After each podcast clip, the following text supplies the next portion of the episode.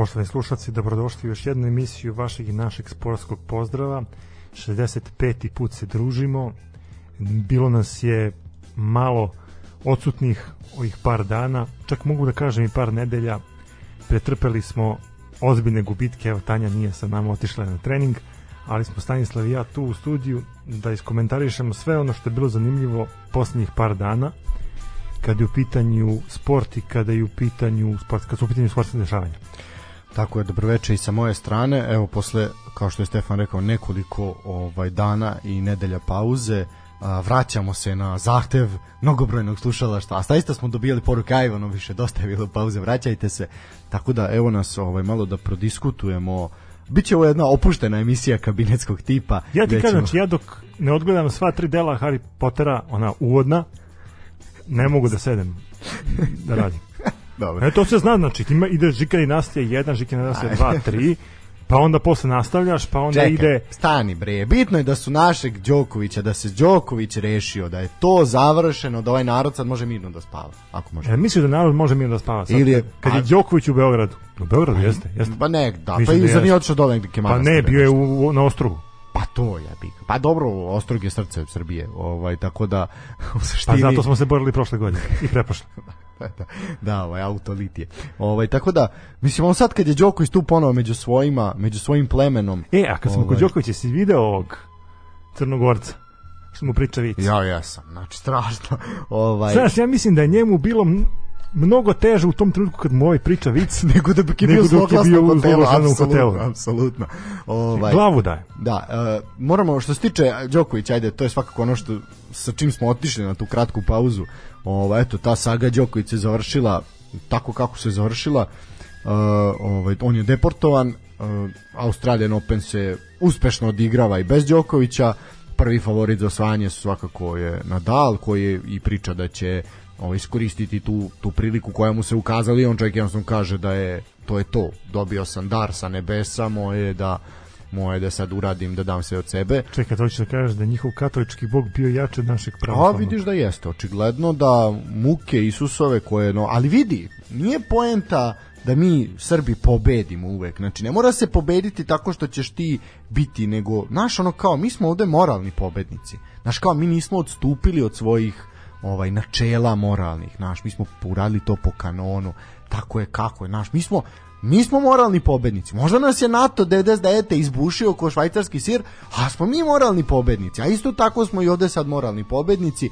Mislim mi, Novak, pa i ostali pripadnici ovog nesrećenog naroda, I sveta. i apsolutno širom diljem sveta što bi rekli ovaj tako da zaista zaista kako se zove naš sve je to u redu, nekom bude ovde među našima, vidiš da se slobodno kreće gradom, bez telohranitelja, bez svega. Bez Tamo- Srđana Đokovića.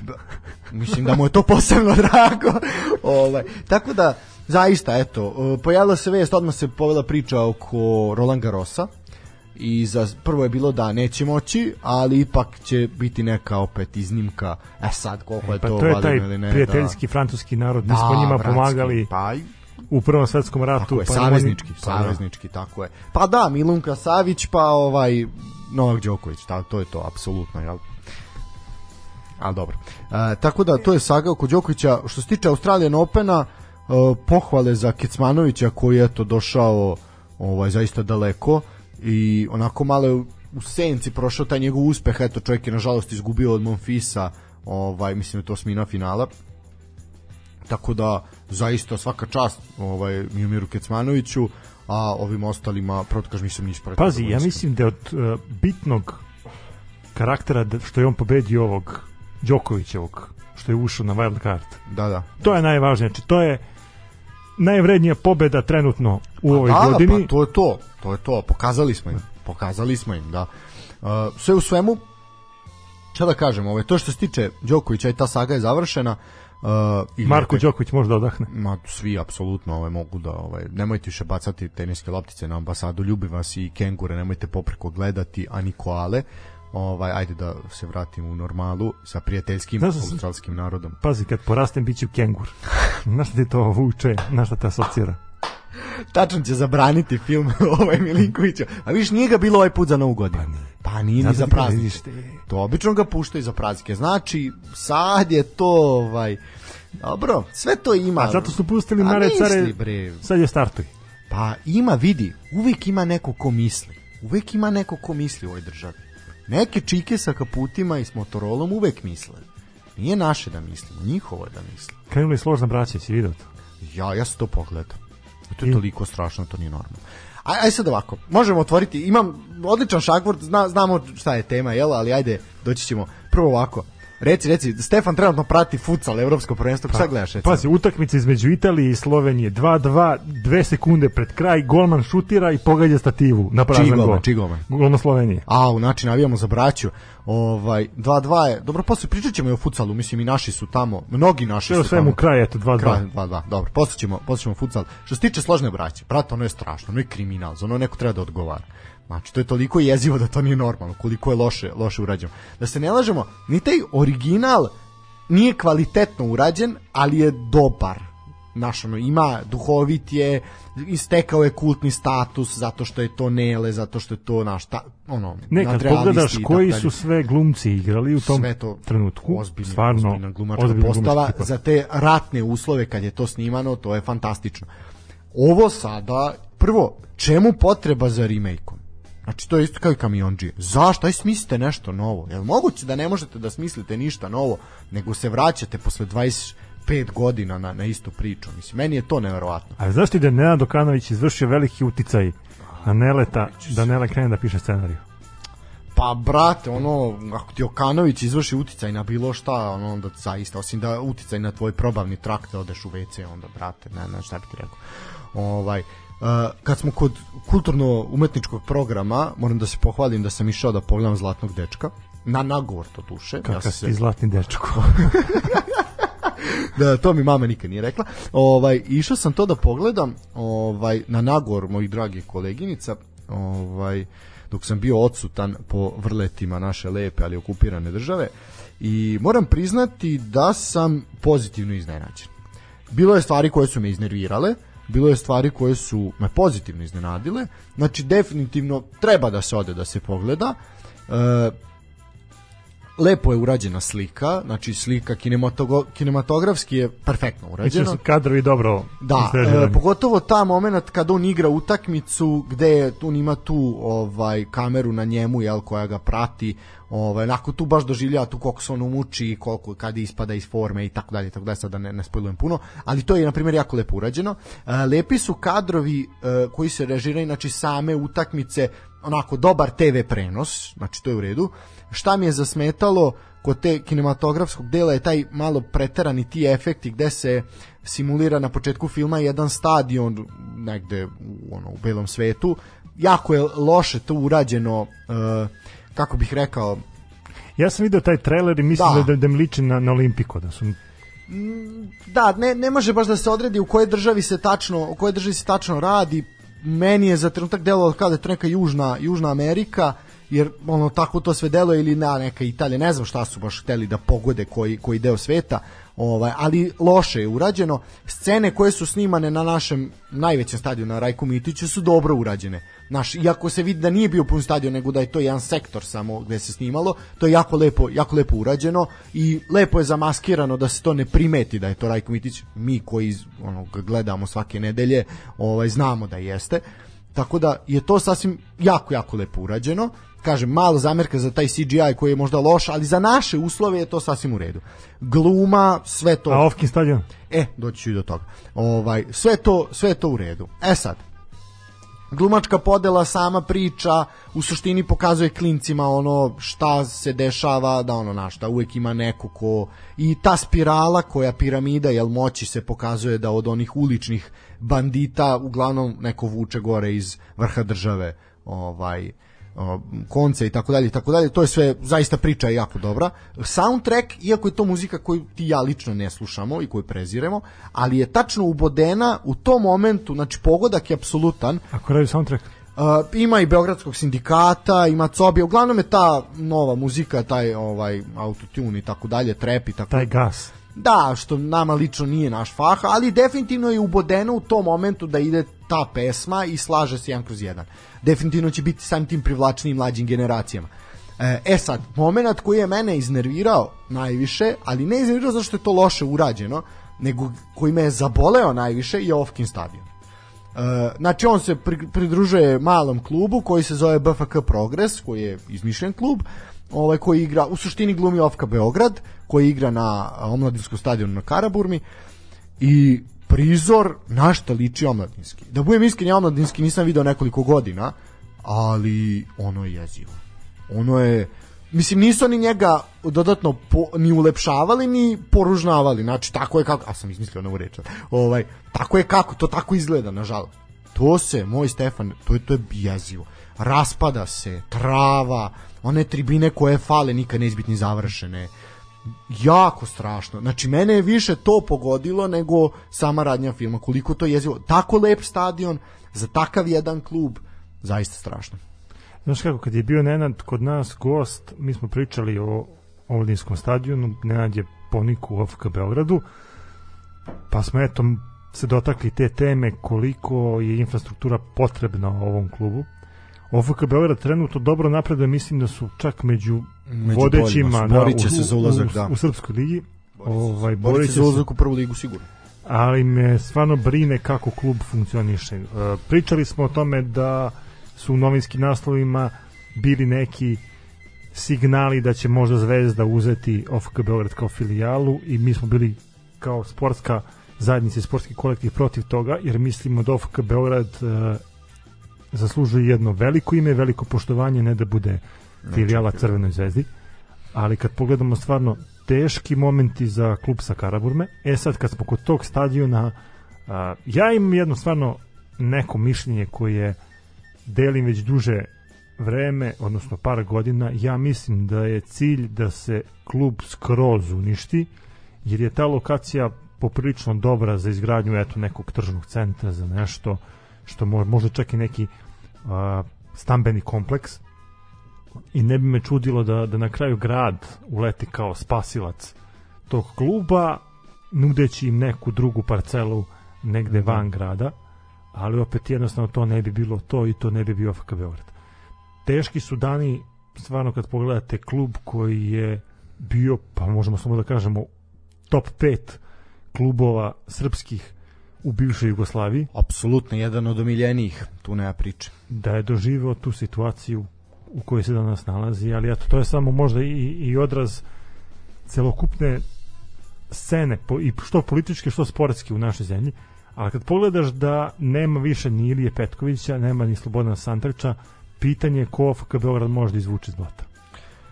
Istina. Uh, sad je red na te neke mlađe Ti imaš generacije Baneta Ivanovića, pa, imaš Kolarova, imaš Duška Tošića, imaš tu sad, ima tu ljudi koji bi ovaj trebali da se malo prisete gde su ponikli, ali je problem što su oni ponikli tu za vahta Zvezdana Terzića. I oni mislim da u svojim glavama ko što su ga branili onda kad je bilo priče o hapšenju i tako dalje o poternici e, kao što su ga tada branili setimo se da ga je i Stojković tada branio. Ovaj to se zaboravlja. Mislim da oni u svojim glavama to je sad moja meni kako deluje možda ja i grešim ja bih voleo da pogrešim. Uh, mislim da oni više misle da duguju da veću zahvalnost imaju Zvezdanu prema Zvezdanu Terziću nego prema Beogradu. Beogradu da. I to je ono što je problem. Uh, što se tiče kažem samog filma sve je ok, zaista svaka preporuka vredi dati 200-300 dinara otići bioskop pogledati ga Ovaj, a što se tiče što se tiče ovoga, nažalost to je naša kao što i sam film naša surova i tmurna realnost, nažalost tu realnost i taj osjećaj gorčine naše realnosti, taj utisak i ta slika omladinskog stadiona samo pojačava. Tako da apsolutno to sve je uklopljeno je fantastično, svaka čast momcima iz Beogradskog sindikata ovaj koji su koji su to radili ovaj iako ja iskreno nisam ni njihov fan čak ovaj moram priznati da ovo jako jako dobro i kvalitetno urađeno za naše uslove. Uh, dragi moji, hoćemo ići na pjesmicu pa pričati. Pa može, može.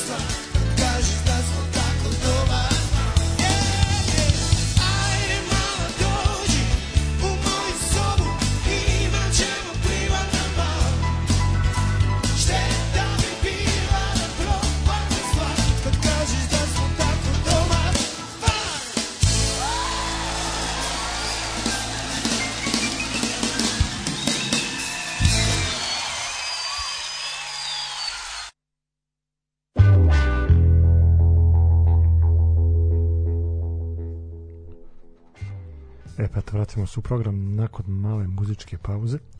Mogu da ti kažem, razmišljam kao tanka je linija između ljubavi i mržnje, a kad smo kod serije, imaš i seriju između ljubavi i mržnje, mi smo imali eto, tu čast da budemo neposredno upleteni u neku raspravu koja se desila na Twitteru, tako sam u pravu. Pa zapravo počela je uh, u jutarnjem programu Daške i Mlađe gde su oni puštali neku od navijačkih pesama koje su pravljene uh, namenski za futbolski klub Crvena zvezda u, još za vreme Jugoslavije. Uh, sa tačno da se setim pošto je to bilo pre nekoliko dana uh, ne znam ko je autor. Pazi, ja u glavi Znam imam već tri pesme, imam ono Džajo Džajka, pevala ti majka, ali pazi, to, to mi je hit. Pa imaš onu pesmu koju smo mi slušali, isto je vezana za zvezdu, ja sam našao neki lepi mića, nešto tako. da bilo. ima da E, I tu ono, treća je bila za šekularca. A ovo je nešto, neka kulturica, da tako se izrazim. Na primjer, jutro su puštali Živana Saramandića, koji je ono, je naš priznati operski pevač bio. Ovaj, a sad da me ubiješ ko je to bio tog 20. januara, ne znam. A, ali, e, onda su naša, naši radijski oci a, spomenuli kako je to je Crna zvezda jedan od najodvra... Mislim, ne, oni nisu, oni su se ogradili od sportskog momenta, znači ne uspeh, ne e, igra, jel, ne, ne u tom smislu, nego vizuelno šta sve oni nose oko sebe, znači kao brand recimo, da je to jedan od najodvratnijih eksiju klubova. I onda je neko od o, ljudi koji su slušali uživo emisiju poslao poruku gde se tražilo od nas mišljenje šta mi mislimo ko je tu i onda ovako e, ovo je, mislim znam da delimično se svo troje, sva, sva trojica zapravo Tanju, ajde ne, ne bih da uplićem u to ovaj, a ne želim da prozivaju devojku ovaj, bez veze Ne, Tanja kao navijač za crvene zvezde. da, da, da, da, da, da, složi no. sa našom listom. Ne, ovaj, ovo je urađeno sad bez znaš kao top 5 klubova nama, najma najodvratnijih u ovaj sa prostora bivše Jugoslavije. Ovako, ja sam na prvo mesto stavio uh, Zrinski i mislim da mogu ovo, ovo je onako može debata ozbiljna da se povede oko toga zašto Zrinski. Prvo to je, Zri- to klub koji je bio čiji rad je bio zabranjen za vreme Tako je, za velike vreme- države. Drugo, klub koji je bio otvoreno proustaški orijentisan. D, treće, klub koji je nakon što se ponovo reaktivirao, oduzeo stadion Veležu, taj Velež bio primoran da ide na periferiju grada da sebi gradi stadion. Tu je I pritom klub koji je političkim putem došao tu apsolutno i dalje i dalje ima izuzetnu izuzetnu podršku podršku vlasti. Uh, jel tog dela tog dela te kantonalne, federalne ili već kako to ni oni ne znaju kako je organizovano. Znači tu je apsolutno i ubedljivo Zrinski. Zrinski. Na drugom mestu je Crvena zvezda. Uh, zašto Crvena zvezda? Uh, zato, Zato. što zato tačka. Ne, ovako, da ne bude zato što je na- navijački obojeno, znači Crvena zvezda zato što apsolutno privlači najveću Najveći animozitet, ubedljivo, kada je u pitanju srpski futbol. da, znači da- ima da najviše navijača, A da se ali ne tiče njenih navijača. dobro. Znači, ra- razmatrali smo tu situaciju gde imaš uh, gde, Ja sam htio kažem neku reč, ali spasio si me u posljednom momentu. gde, gde imaš situaciju gde stvarno kada govorimo o Crvenoj zvezdi svaka čast za sve poduhvate, za sve to što je Crvena zvezda čast, to ne spori niko. ne Ako pogledamo tu bazu koja nema veze baš sa futbalom i kad pogledamo tu pozadinu, e, tu stvarno mogu da navedem zašto je Crvena zvezda Meni je dovoljno, meni je dovoljno da jeste. vidim ono celebrities, poznate ličnosti koje navijaju za Crvenu zvezdu ili koje se deklarišu kao da navijaju za Crvenu zvezdu, meni je tu dovoljno.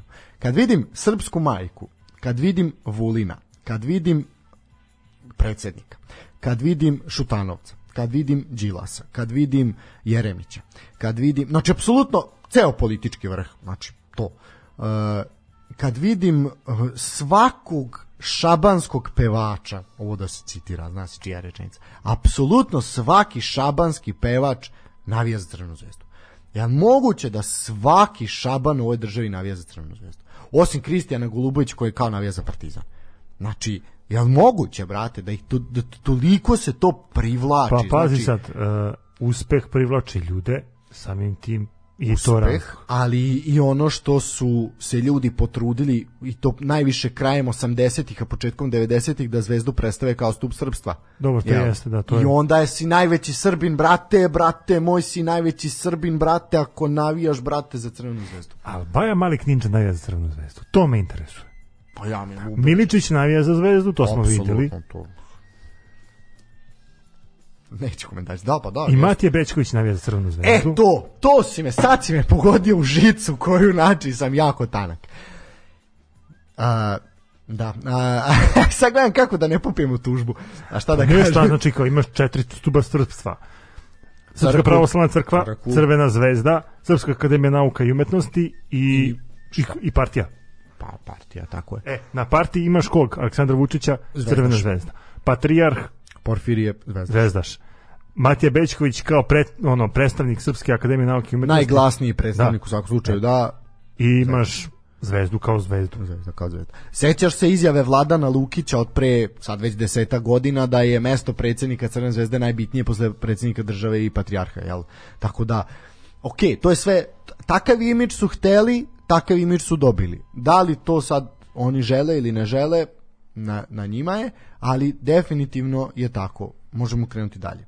Uh, na trećem mestu naše rang liste nalazi se rad. Zašto rad? E, Zbog otvorenih rasističkih uvreda na račun mnogih tamnoputih igrača, ne samo tamnoputih, nego i onih drugih vera i nacije, e, na otvorene jel ono, fašističke simbole koji ukače, uzvikuju, tako dalje, večito problematika, ali ne samo navijači, nego i time što ni uprava se nikada nije ogradila, nego je čak šta više, ono, odobravala, jel? E, i ono ispadanje da li će ispasti neće ispasti pa se navlačilo da ostanu pa su na kraju hvala Bogu ispali i sad u posljednja najnovija epizoda je to što je to najvoljeniji sin a, naših narodna i narodnosti je trenutno tamo Bog i Batina a, tako da eto to je to je Evo, moj pa razlog sad da kad smo, kad smo kod njega, kruže priče da je pred oltarom. E sad, da li će ta osoba, ta ženska osoba ga da odvrati od futbala, to je Molim pitanje. te odvrati ga. Molim te odvrati ga, kogod da si odvrati ga. Molim te. Eto, to je naša poruka. E, četvrti, široki brijeg. U suštini, to je slična priča kao i e, kao i Zrinski, s tim da oni nisu toliko ekstremni, ali mi kod njih smeta najviše što su Uh, na, uh, više, što mi nije jasno i baš je to skoro bila, pre neki dan sam to i pročitao, da je to neka mm, neka sad dalje je to neka bosanska književnica, ali već ovaj, iz Bosne, jel, bosansko-hercegovačka, ovaj, rekla da je nije jasno kako Hrvatu iz uh, Mostara ili bilo kog dela ovaj Hercegovine i Federacije ili uopšte BiH može biti bliži Hrvati iz Hrvatske nego njegov komšija pa koje god on bio nacionalnosti. E, široki mene malo tu ima, ja imam animozitet lični prema, nje, prema njima zato što oni nekako se više uvek okreću uh, Hrvatskoj gde znači kupuju igrače odatle, trenere dovode odatle, jako su blisko vezani, bliže su vezani sa klubovima iz Hrvatske nego sa klubovima iz Bosne. E to je ono što meni lično smeta. Uh, zato su tu gde jesu, tu gde jesu. A broj mada je moglo tu da se rotira, imamo honorable mentions, imamo ovaj one koje vred, vredne pomena. Uh, I broj 5 po meni je hrvatski dragovoljac, klub uh, domobrana koji eto zaj onako Hrvatskog vijeća odbrane i tako dalje Pa svih ne tih znam kako- ekipa vojnih formacija koji je 90-ih bio izuzetno popularan sad opet zato što se vratio u prvu ligu ima neki ono ovaj ponovo se na, priča o njemu ali mislim da je onako to malo malo je degutantno onako i malo je malo je bez veze. I po, pogotovo što oni to otvoreno ističu, znaš da je to eto oni su ovaj potomci svega toga i mislim meni je to malo malo bez veze i onako mislim da se treba tu distancirati ovaj sport od te, te estetike svega toga tako da eto to je to je mojih top top A 5. šta kažu slušalci? E, odlično. To je dobro pitanje. Ovako, slušalci, evo, na primer, imamo a, Velež, Zrinski, Široki, Borac Banja Luka i Crvena zvezda. Ja sad mogu Dobro. da razumem Dalje? čak i Borac, a, Ajde baš napravit ćemo neki ono, spisak, odnosno da, spisak u glavi. a, mogu, da, mogu da razumem Borac, ali ne mogu da razumem Velež. To mi ne ide u glavu. A, imali smo onih duhovitih koji su svih pet, na primjer, naveli Crvenu zvezdu, bilo i toga. E sad, na primjer, ovako kaže, Crvena zvezda, Dinamo Zagreb, Hajduk, ali Hajduk iz 1990. godine, onaj koji je išao na turneje po Australiji, pa Da, da. kačio šahovnicu, prišiva i tako dalje. Radnički iz Niša. E sad obrati pažnju. Znači, to je prvi put da se pominje Radnički iz Niša. Pa kaže ovako, Crvena zvezda, Dinamo, Vojvodina, Rad, Radnički Niš. To je drugi put. Crvena zvezda, Vojvodina ponovo, Dinamo Zagreb, Hrvatski dragoljac, Zrinski, ko se crta Škendija. Ja sam na Škendiju, da budem E, iskren, to je, to je dobro, zato što mislim da nismo spomenuli ni jedan slovenački, ni jedan crnogorski, ni jedan makedonski klub. Iskren da budem, nemam I slovenački sada si- klub koji bih, mislim, ono, koji mi nešto odvratan, razumeš? Da li imaš neki slovenački klub da ti je odvratan? Pa ne. Pa ne. Ali makedonski definitivno Škendija. I oni Škupi i tako dalje. Ima tu ko- koga, koga onako ne volimo. Škendiju zato što je upravo ono što je Zrinski i Široki u Bosni, jel? Ono, Da. klub koji je otvoreno proalbanski, ali čak i ekstremno. Pa i taj škupi isto. Pa isto, to je ista priča, jel? Ovaj, e, ali vidiš, jako puno, jako puno Vojvodine i jako puno radničkog iz Niša. Idemo dalje. Idemo dalje, čekaj, čekaj, ima, ima još. E, kaže ovako, Obilić, eto vidiš, to na primjer malo smo. To bi Obrić ugaše. Obi, pa dobro, da. Ovaj, tu je, tu je recimo meni, meni bilo malo zanimljivo. Pa kaže ovako, rad, ofka, radnički niš, napredak Kruševac, rijeka, škupi, široki brijeg, Sarajevo, Tuzla City. Hm. Zašto ofka? Ne znam. Mislim, ja sam pitao zašto, zašto ofka, ovaj, E da, koji su bili odgovori? Si, mogu da sad znaš? Ja sam ovako, kad sam pitao zašto, zašto Ofka, u suštini svi su ga vezivali sa Terzićem. Znaš, onda im se tu zgadio. Da, ono, 2-0, 4-2. Da, tako. Kruševac isto ono u fazonu Mišković, pa opet povezan s Crvenom zvezdom, kao filijala ta priča, pa onda sad SNS, jel? Uh, široki breg, jasno, Sarajevo mogu da razumem donekle zato što je Sarajevo uh, ono što je Crvena zvezda u Beogradu, recimo. Ne toliko, ali jeste malo povlaštena. Tuzla City, jasno, to je instant projekat koji se sam tako pojavio, to je Novi Beograd u Waterpolu, prilike sam nisu pokupali najbolji igrače. Uh, pitao sam zašto Dinamo? I onda sam ja rekao kao, Kroaciju bih razumeo, Dinamo baš i ne razumem, jer Dinamo je ipak, znaš, ono, ipak je ozbiljan jugoslovenski klub bio i ozbiljnog uspeha, ali svakako, no, odnos odgovor je bilo da je to jedan od najsramotnijih projekata u istoriji sporta, ok, ja tu nisam teo dalje da se mešam. E, radnički Niš, to ono što meni zaparalo uši, a verujem i tebi, zašto radnički iz Niša? A, ispostavlja se da ga narod, da, zbog SNS-a, zbog SNS-a i zbog, i zbog Tončeva.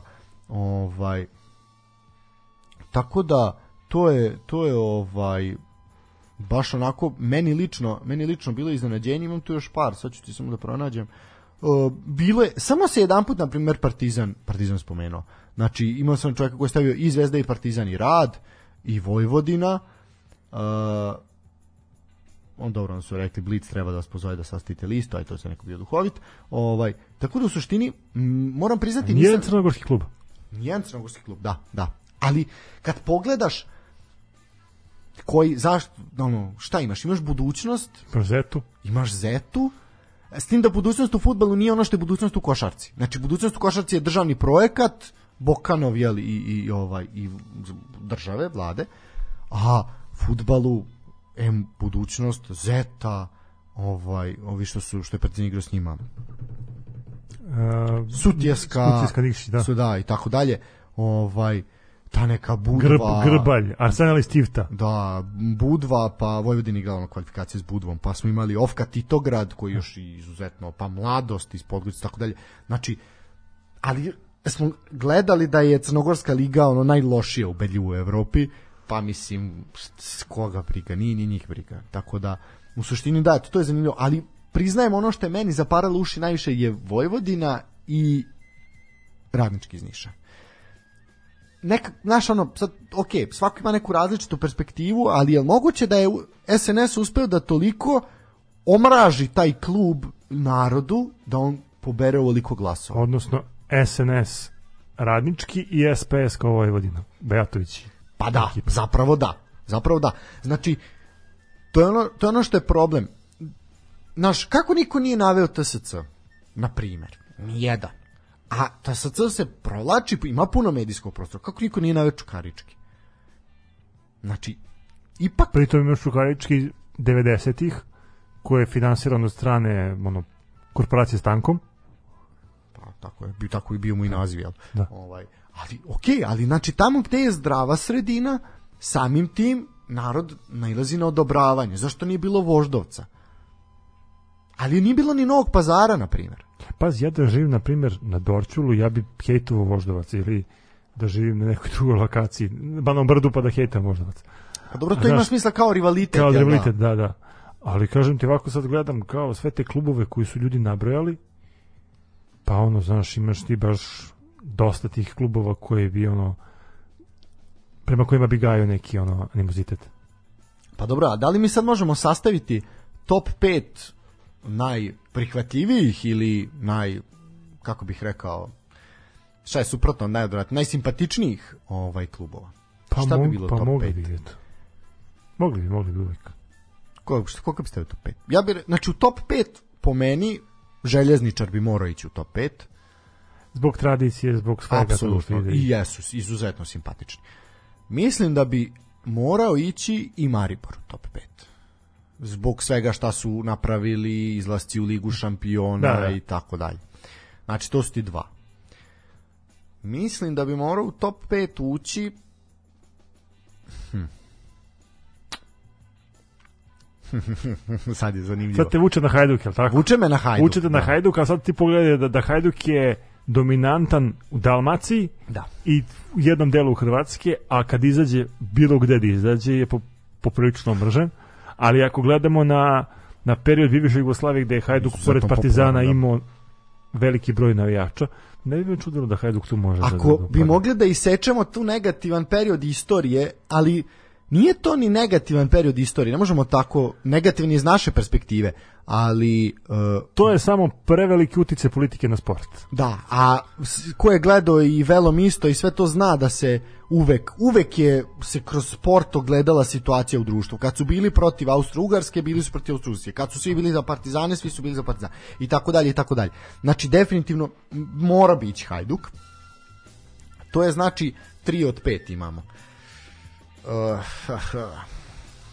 pa ja bih stavio i TSC. Zašto da ne? Kao, mislim, onako, jedan simpatičan projekat ovaj u našoj državi. Ne klub velike istorije, ali simpatičan projekat koji želimo da zaživi. Recimo, ajde.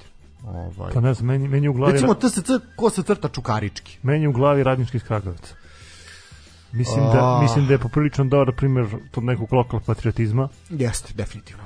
Dobro. Klub eto. koji ima istoriju. Znači ono, TSC ko se crta čukarički i ko se crta radnički Kragujevac, recimo. Tu nešto od ta tri, ali definitivno radnički Kragujevac. Ako gledamo to naše podneblje, Da. ako gledamo malo u komšinsko dvorište, Pa ne znam, recimo pa recimo ja bih stavio ja bih stavio Velež kao klub eto koji je ipak izdržao i finansijsku krizu i što su izgubili stadion i što su bili zabranjivani i tako dalje i tako dalje, a opet su ostali i nisu mnogo menjali svoju neku priču. Ovaj sad slave u u 100 godina postojanja, ovaj nisu mnogo promenili neku tu izvornu priču, onu ka- kako je krenulo sve. I dalje se oni izjašnjavaju tako kako se pa izjašnjavaju. ja gledam znaš kao možda i Čelik. Obzirom da znam kakva je Pa situacija da. u Čeliku i koliko se njihovi Sloboda navijače Tuzla, da, recimo i to. ovaj, trude da, da klub vrate na, na staze stare slave. Mislim, meni je najčešća scena kad sam razgovarao sa, sa njihovim potpredsjednikom mi je rekao, kaže, čoveče, možeš da veruješ da smo mi, kaže, posle raspada Jugoslavije prvi put platili porez. Kao sve ti jasno. Pa da, pa recimo da i tu može se i tu i sloboda iz Tuzle ono lagano staviti. A, kad smo u ovoj celoj priči a, možemo malo malo ovaj se baviti ovaj ili ćemo ići na pauzu ili ćeš da spređemo na futsal? Pa ne, futsal bi onako poprilično odvojeno Jer je sklonio, odvojeno. Da. Pa da, E, sad, što se tiče Ne, ja sam i dalje na ovoj temi kao razmišljam koji bi još klubovi mogli da budu omraženi, a koji bi da, mogli da budu simpatični. pa mislim da Na primjer, ti meni, možeš je- na meni je milicionar bio ono kad sam počeo da pratim fudbal 90-ih jedan od klubova koji je ono milicionar i železnik. da. Znači Bulić familija njih, nisam mogao očima da, da, da vidim. dobro, ali znaš opet je to klub koji se nije zadržao do dan danas. Znači to je klub koji je bljesnuo deseta godina, re- recimo deseta godina, ovaj i nestali su. I taj milicionar, znači u, uvek sa hetova pandure, znači to je profesija prema kojoj imamo ono baš veliko gađenje. Da, a sledeći put kad nas zaustave Pa ne, nek nek zaustavi, imam, znači, nek Pa lepo je šta? kad zaustaje kad ja vozim, a onda je lepo kad nas. Ja sam ti više puta sugerisao šta treba da radiš, nemoj tako. Ovaj, kad smo kod našeg futbala, dok ti razmišljaš, treba reći da je čovek koji je nastupao u 15 država, je promenio 24 kluba, ponovo nazad u našem futbalu, Andrija Kaluđerović je potpisao za Novosadski proleter. Eto, došao i naš grad. Došao je, da. I moramo prokomentarisati situaciju u proleteru. Eto, Kaluđerović, Gojko Kačar, Zdravko Kuzmanović, od toga samo Kaluđerović u kopačkama, ali ova dvojica, eto, kao, jedan kao uh, sportski direktor, drugi kao uh, pomoćnik treneru. Eto, jedno zaista zanimljivo, zanimljiv prelazni rok. Uh, ono što je meni do sada bomba prelaznog roka je Petar Škuletić u TSC-u. Da, to je definitivno. To je onako zanimljivo. Uh, najtužniji moment prelaznog roka za sad je futbolski klub Partizan u Belju koji nije doveo nikog. I Ovaj, pitanje je da li će dovesti uopšte nikog. ali ostaju bez igrača. To je jako bitno za napomenuti. Ostali su i bez mladih igrača koji su prosleđeni. Čukaričkoj, na primjer. Opet 3-4 mlade igrača su otišla, što je opet ozbiljan problem. Uh, Dobro, možda i nije problem, možda Partizan jednostavno u toj nekoj rotaciji nema prostora za njih, pa onda bolje da igraju u nekom drugom klubu nego da stagniraju. istina, ima i toga. Uh, što se tiče Crvena zvezda se ozbiljno pojačava, mada su ostali bez dva perspektivna igrača u vidu Lazetića i u vidu Njegoša Petrovića i mislim da je to onako poprilično razgalilo i naljutilo sve navijače Crvene zvezde jer je naš prekratko su tu bili, morali su nešto Ali pokazati. kad smo kod Crvene zvezde, moram da napomenem bombastičan naslov Da, da, ajde. za Milana Borjana. Milan Borjan na- napustio pripreme Crvene zvezde. Da Sad vi da mislite da, gleda, je to da. i dalje nastavak one sage između Zvezdana Terzića i Milana Borjana. Međutim, Borjan je otišao jer je imao klubskih obaveza, odnosno reprezentativnih obaveza u Kanadi. Americi, da. Pa je gledao utakmicu u Majamija, gleda NBA, da. Ovaj, tako da, eto, a dobro, mislim, senzacionalizam svuda oko nas. E, imamo jedan zanimljiv transfer, uvijek pričamo kako su bratski klubovi, radnički Spartak, e, Filip Dujmović ovaj, je novi golman radničkog iz Niša prešao upravo iz Spartaka, eto recimo to su ti neki transferi između, između klubova.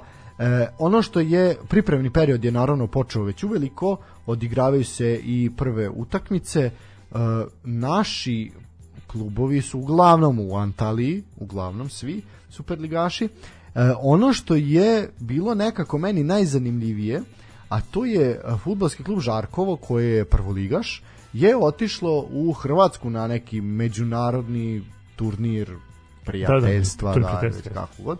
Ovaj, I tamo su igrali protiv a, tri hrvatske kluba, pošto jako mnogo hrvatskih kluba, mislim gotovo svi su, jedino za Dinamo nisam siguran, svi ostali znam da su ostali u Hrvatskoj zbog situacije sa covidom, nisu otišli na pripremu u inostranstvo. Uh, igrali su protiv Istre, pobedili su Istru, igrali su protiv Šibenika, pobedili su 3-0 Šibenik, uh, od toga uh, jedan autogol i Ilić i Milunović su bili strelci, da bi u posljednjem meču savladali lokomotivu sa 2-1 i samim tim i osvojili taj, taj međunarodni turnir. Uh, i onako to sad malo, tu je na primjer najbolji u Žarku je bio Kokir. Sećamo se Jovana Kokira ovaj Bivše futbolere reprezentana. Bivši fudbaler Partizana Vojvodine, Vojvodine, da. Ovaj i tu sad ono se javlja neka priča. Pa čekajte ljudi kao ovaj pa onda ispada da znaš kao Žarkovo koje je realno prvoligaš se sad pitanje opet pričamo pitanje je koliko su ljudi tu tak, takmičarski nastupili koliko je to zaista bilo ono prijateljski samo da se oprobaju snage ali jedan ozbiljan uspeh onako mislim da je jedan čak i ozbiljan šamar za ove hrvatske prvoligaše jer osim Istre svi o, o, Istra se samo bori za opstanak ovo su svi stabilni manje više on čak pretenduju neki i ka gore tako da Pazi, e, ja pratim prvu ligu tako je zato je ovo i zanimljivo i ovo je da. meni jako zanimljiva a, situacija. Gledam to i na osnovu nekih a, parametara gde naša novosadska mladost može u drugom delu sezone. A, Žarkovo ima poprilično dobru ekipu, a, skockali su tim, traže još neki igrače. Na tom turniru nastupili su sa par igrača koji nisu njihovi igrači, već su tu došli čisto da, da, da pomognu ekipi. Od njih se možda čak i očekuje da u dogledno vreme i potpišu ugovor i krenu da nastupaju za a, Žarkovo. Znaš kako, sad mene je to iznenadilo, ali moram da ti kažem kad sam vidio slike sa, sa turnira, onaj pehar mi izgleda baš dobro urađen. Ali onako, baš, baš dobro. I stvarno mi je drago eto što je, što je Žarkovo napravilo tako dobar rezultat na toj turneji. Oni su tamo otišli čisto onako turistički, bar tako je to izgledalo, ali još na kraju su se vratili ovaj, sa ozbiljnim e, futbalskim iskustvom i vratili se sa trofejem. Pa da, definitivno da će im ovo iskustvo značiti u borbi, u daljim borbama u prvoj ligi. Ovaj, ali eto, mislim, zanimljiv, zanimljiv pokazatelj ko je gde i šta je ko u ovom nekom regionalnom svetu. E, možemo samo, evo još pre nego što odemo na, na pauzicu, ovaj, počnemo pričamo o futsalu i o rukometu, e, spomenuti da je preminuo Borislav Stevanović u 46. godini a, popularni Bora Gol je bio jedan od najboljih radovih a, igrača a, on je u sezoni na primjer 2000 2001 postigao čak 19 19 pogodaka a svakako vrhunac a, karijere mu je predstavljao nastup za reprezentaciju Jugoslavije na oproštaju Pixija 2000 2001 godine pardon protiv Japana E, to je čovjek koji je rođen u Kosovskoj Mitrovici, započeo karijeru radničkom iz Niša, 101 nastup, 28 golova, 98. dolazi na Banjicu uh, i ovaj nastupao je takođe za Zemun, za neke rumunske, španske klubove, a na kraju završio u Basku, svakako neizbrisiv trag u radu je ostavio 105 utakmica, 46 golova, zaista onako jedna ozbiljna legenda futbolskog kluba Rad i eto porodici Stevanović i naravno svim navijačima a, Rada i a, ljubiteljima futbala i futbolskog kluba Rad upućujemo iskreno, iskreno saučešće. Ništa Stefane, ajmo na muziku pa ćemo pričati o futsalu.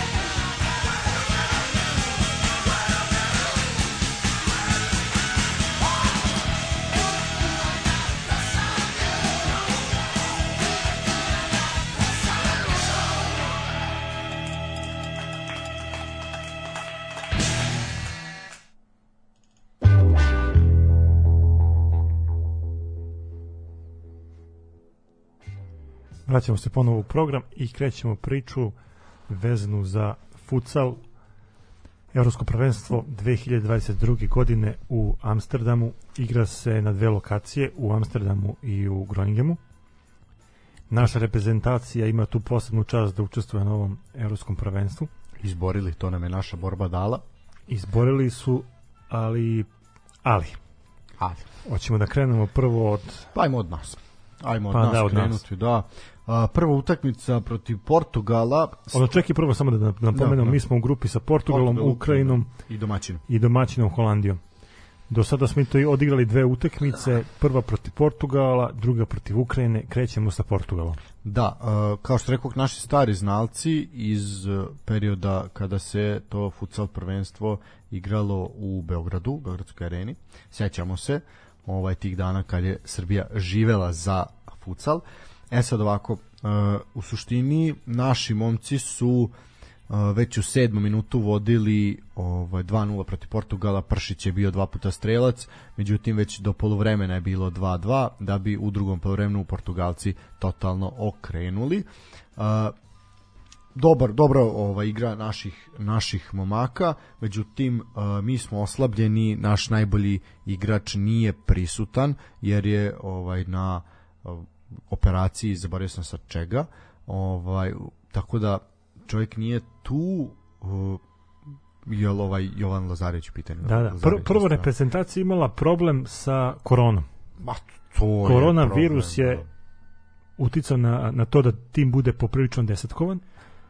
U tu prvu utakmicu sa Portugalom ušli smo oslabljeni, tri igrača su bila u izolaciji, Da. Odnosno dva igrača su bila negativna, ono, da, pozitivna na, na testu, a treći je bio Cimer jednom od, od njih, pa je Pa treći kao morao da, da. da uđe u tu fazu inkubacije.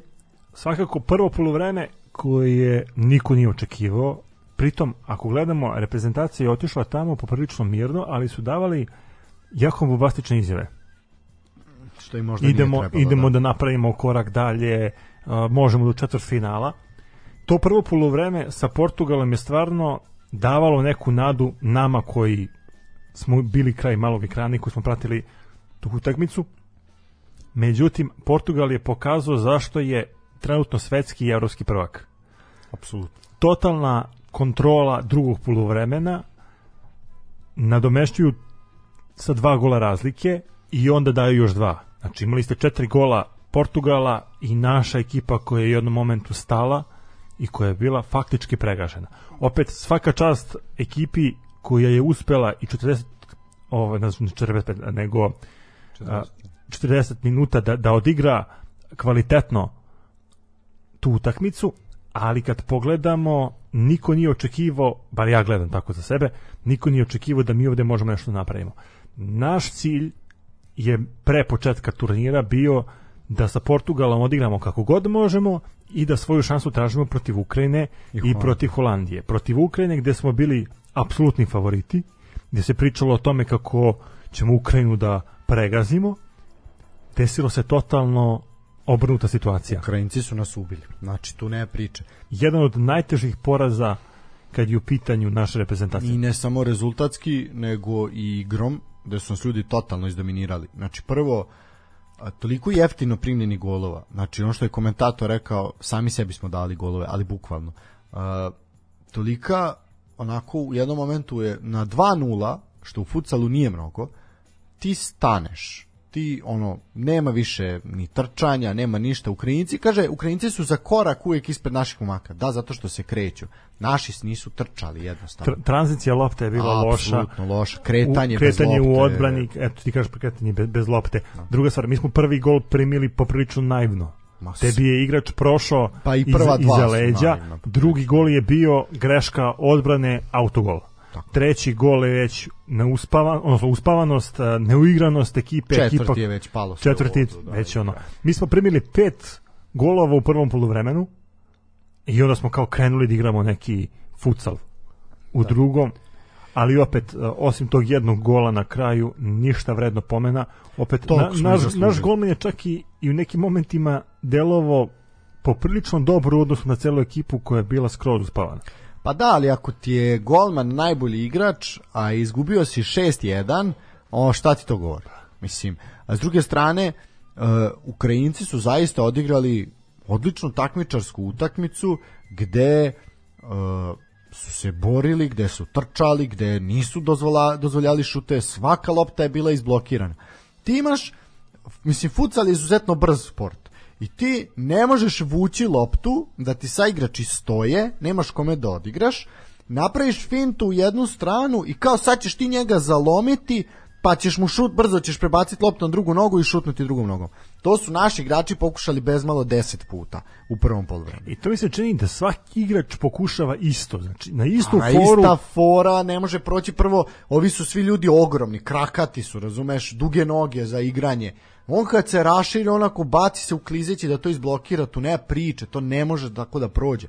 Mislim, malo je to bilo sve iz očaja, znaš, bilo je daj samo da postignemo gol, da smanjimo, međutim, kako smo krenuli da srljamo, tako nešto, onda smo tako i završili. Ništa, naši su izgubili sve šanse za prolazak dalje. Očekujem Pazi, sama činjenica da ti moraš da postigneš devet golova da bi prošao dalje. A pri to mora da se namesti sve, mislim, tu nema priče. Ovaj, sve u svemu da, eto, utakmica sa Holandijom će biti revijalnog karaktera kako Pa, sad apsolutno. stvari stoje. 28. se igra ta utakmica, prenos će biti na RTS-u, tako da uživajte. Uh, što se tiče drugih grupa na ovom evropskom prvenstvu, poprilično zanimljiva ova što koju smo pratili jel, malo pre, to je grupa B gde su Slovenija, Italija, Kazahstan i Finska. To je zanimljivo da na primjer nakon eto nepotpunog drugog kola sve ekipa imaju, nere, samo nerešene rezultate. Ovaj to je znači Slovenija 2 2 remija protiv sada je li Italije 2-2 i protiv Kazahstana, isto tako i Italija, dva remija i Kazahstan i Finska. Ja sam ispratio tu utakmicu pre nego što je krenula naša emisija i posljednjih par ključnih uh, minuta kada smo već ušli u program. Ja mogu da kažem da je stvarno utakmica bila dobra. Italijani su poveli rezultatom 1-0, Slovenci su dali dva baš dobra gola. Italija je uspela u drugom poluvremenu da izjednači na 2-2 i ono što je na kraju presudilo to je ta stativa i to ispucavanje golmana dve sekunde pred kraj meča. To je na kraju spasilo Italijane da eto uspe da izvuku taj bod. Uvek se izvuku. Ali se uvek, izvuku. znaš kako, to baš gledam kao zašto uvek Italijani. Znači uvek se izvuku i to je to je jedina fudbalska nacija koja zna da igra na rezultat. Ali imaju i sreće, brate, neverovatno. E, dobro. e, Svakako grupa Da. gde, gde očekujemo da, da će proći Slovenije i, i Pa Italija. da, mada sad s obzirom da tu puno nerešenih rezultata, sad eventualna pobeda Kazahstana, što nije isključeno, ovaj protiv Finske, zapravo ono, dovodi Kazahstan u jednu jako dobru jako dobru ovaj poziciju s tim da morate uzeti u obzir da Kazahstan nije Kazahstan nego su to internacionalci znači to su naturalizovani ovaj ljudi koji eto igraju za Kazahstan ista priča je sa Azerbejdžanom na primjer Azerbejdžan je jedno vreme bio ozbiljna sila u futsalu zato što su imali ono sve sve žive Brazilce i Južnoamerikance Ali vo- volio bi da, da prokomentarišemo i same zemlje domaćina. Dobro. A, mi smo imali pre par godina tu situaciju da budemo domaćini evropskog prvenstva, nakon nas su išli Slovenci, pa eto sad smo došli do, do Holandije i do, do Amsterdama i Groningena. Imamo tu situaciju da e, na ovom prvenstvu imamo i reprezentacije koje su debitanti, kao što na primjer Finska, Bosna i Bosna i Hercegovina. Hercegovina E, da. ovaj, kad pogledamo te grupe, vidjet ćemo da imamo četiri predstavnika sa Balkana, tu su Hrvati, tu su Bosanci, a, tu su Slovenci, Slovenci, i mi. da. I moram da kažem da to kao, znaš, podiže neki kvalitet, a, odnosno, bar misliš da podiže kvalitet, ali kad pogledaš nastup naših a, izabranika i nastup bosanskih, Hrvati i Slovenci su još uvijek u igri, mi se Hrvati imaju mi se vraćamo da. kući definitivno, Bosanci isto. Mislim da su u istoj situaciji kao i mi, da imaju dva- ne, oni su igrali samo jednu utakmicu, oni bi trebali sutra, ja mislim da igraju. Ne, preksutra igraju protiv Gruzije. Pa vidi, mislim, ono, još uvek imaju šanse. Izgubili su od Španije, koja je definitivno favorit, ali bit će jako teško protiv Azerbejdžana i protiv Gruzije svakako. Ali eto, rado je taj nastup. E, što se tiče Hrvatske, Hrvatska ima e, u, u svojim redovima igrače iz Olmisuma koji je učesnik Lige šampiona u futsalu. Znači to je isto bitno za napomenuti. Naš ovaj ljudi sa fakulteta za sport. ne ne ne ne stani Safona, Aha. Safona, ekipa, futsal ekipa Safona je učestvovala na kvalifikacionom turniru u Hrvatskoj koji igra na- a, mislim u Puli, recimo, možda sam i lupio, ovaj, ne sjećam se više, igrali su upravo protiv Olmisuma i protiv još nekih ekipa, ovaj, gde su ih ubili svi. Do, bio je valjda Grac, to su, ali vidi, u Gracu igraju svi reprezentativci Bosne i Hercegovine. Znači, apsolutno reprezentacija Bosne i Hercegovine nastupa u Austrijskoj ligi. Ovaj, zato je bila sprdnja da a, Austrijanci ne, na, ono, ne bude lockdown, da zatvore sve, onda Bosna neće moći da učestvuje, jel? Neće imati igrača. Ovaj, tako da, eto, to ti je sad ta neka, neka priča. Znaš kao, kad pogledamo istoriju igranja futsala, ti imaš u početku da se, možda je vreme da se menju neka pravila. Gledam da, eto, ranije se futsal igrao sa, sa peticom, sad se igra sa četvorkom, sa tegom. A, odbrane su mahom zonske, mo- možda bi trebalo da se, eto, ono što mi igramo isto futsal, odnosno neki kao vid malog futbala. Da, više mali futbal nego futsal, da. Ovaj, ali dobro, u suštini kombinatorika je ista, 5 na Slično, 5. da. Ili mi igramo 6 na 6 zato što je duži teren. E, Da, e sad dajte to sad objasni. Znači, ovi, ovo je zapravo su dimenzije čak terena manjeg u rukometnog, je li tako? Golovi su slični, Da. ali je teren manji. Ja bih proširio teren. Pa ja mislim da je potrebno da se proširi teren, jer ti kao igrač uh, Premali je prostor. Da, futsal se svodi na jedan dribling, već kad kreneš u drugi, to je previše. Kraj, kraj, da. Znači, ide se više na dodavanje. Tako je, brzo, brzo dodavanje u prostoru, jel ako ispadne zona i onda on iz prve mora da šutira. Tako, tako jednom višak možeš napraviti. Imaš i tu situaciju, na primjer, da iz auta može da, da postigneš gol. Može golman. Može rukom da golman postigne rukom ili ispucavanjem. Ono što mi, koje pravilo mi se sviđa i koje pravilo iz futsal, futsala bih premestio na veliki futbal uh, je to da golman može samo jednom da odigra loptom i onda lopta mora pređe pola.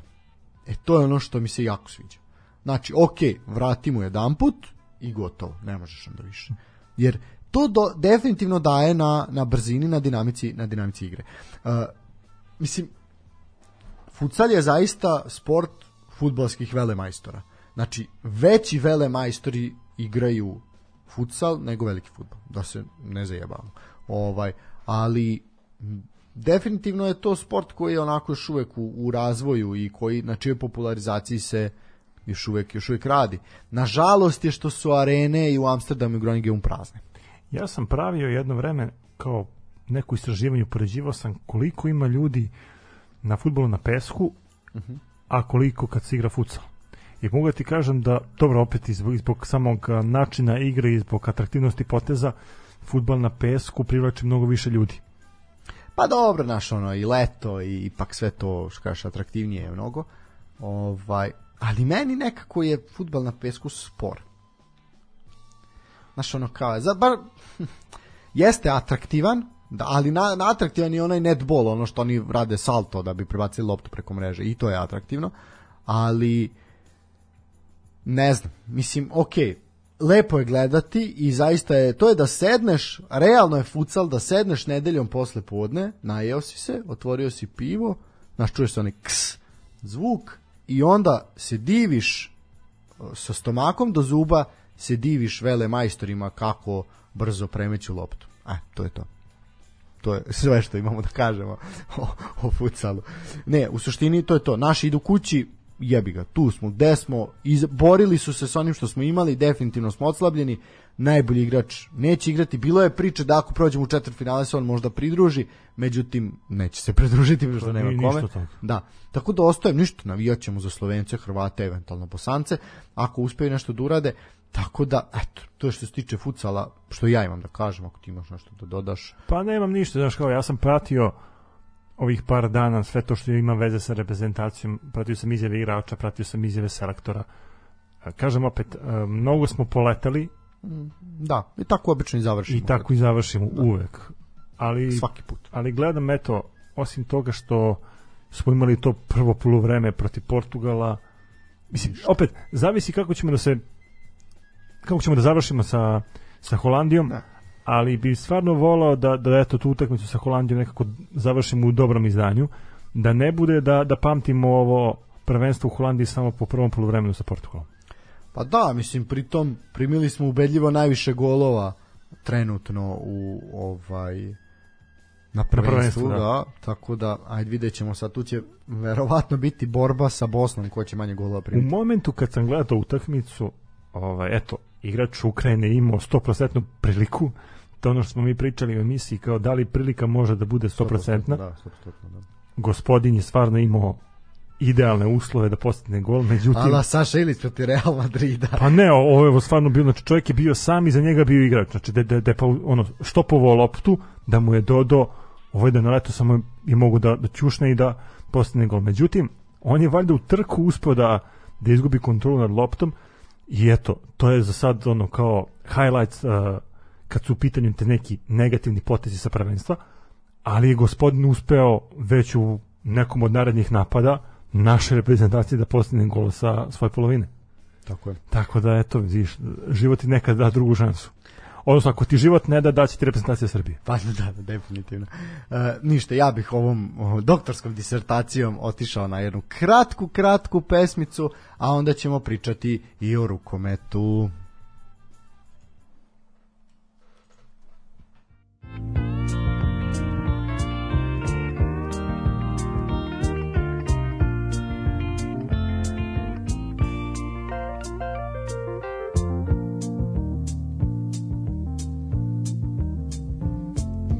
such a feeling's coming over me. There is wonder in most everything I see. Not a cloud in the sky, got the sun in my eyes, and I won't be surprised if it's a dream. Everything I want the world to be is now coming true, especially for. Clear it's because you are here. You're the nearest thing to heaven that I've seen. I'm on the top of the world looking down on creation, and the only explanation I can find is the love that I've found ever since you've been around. Your love's put me at the top of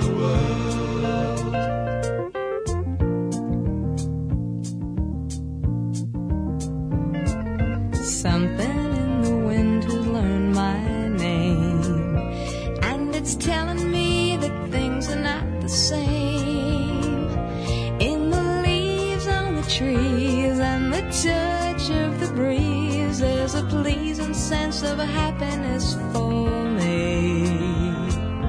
There is only one wish on my mind. When this day is through, I hope that I will find that tomorrow will be just the same for you and me.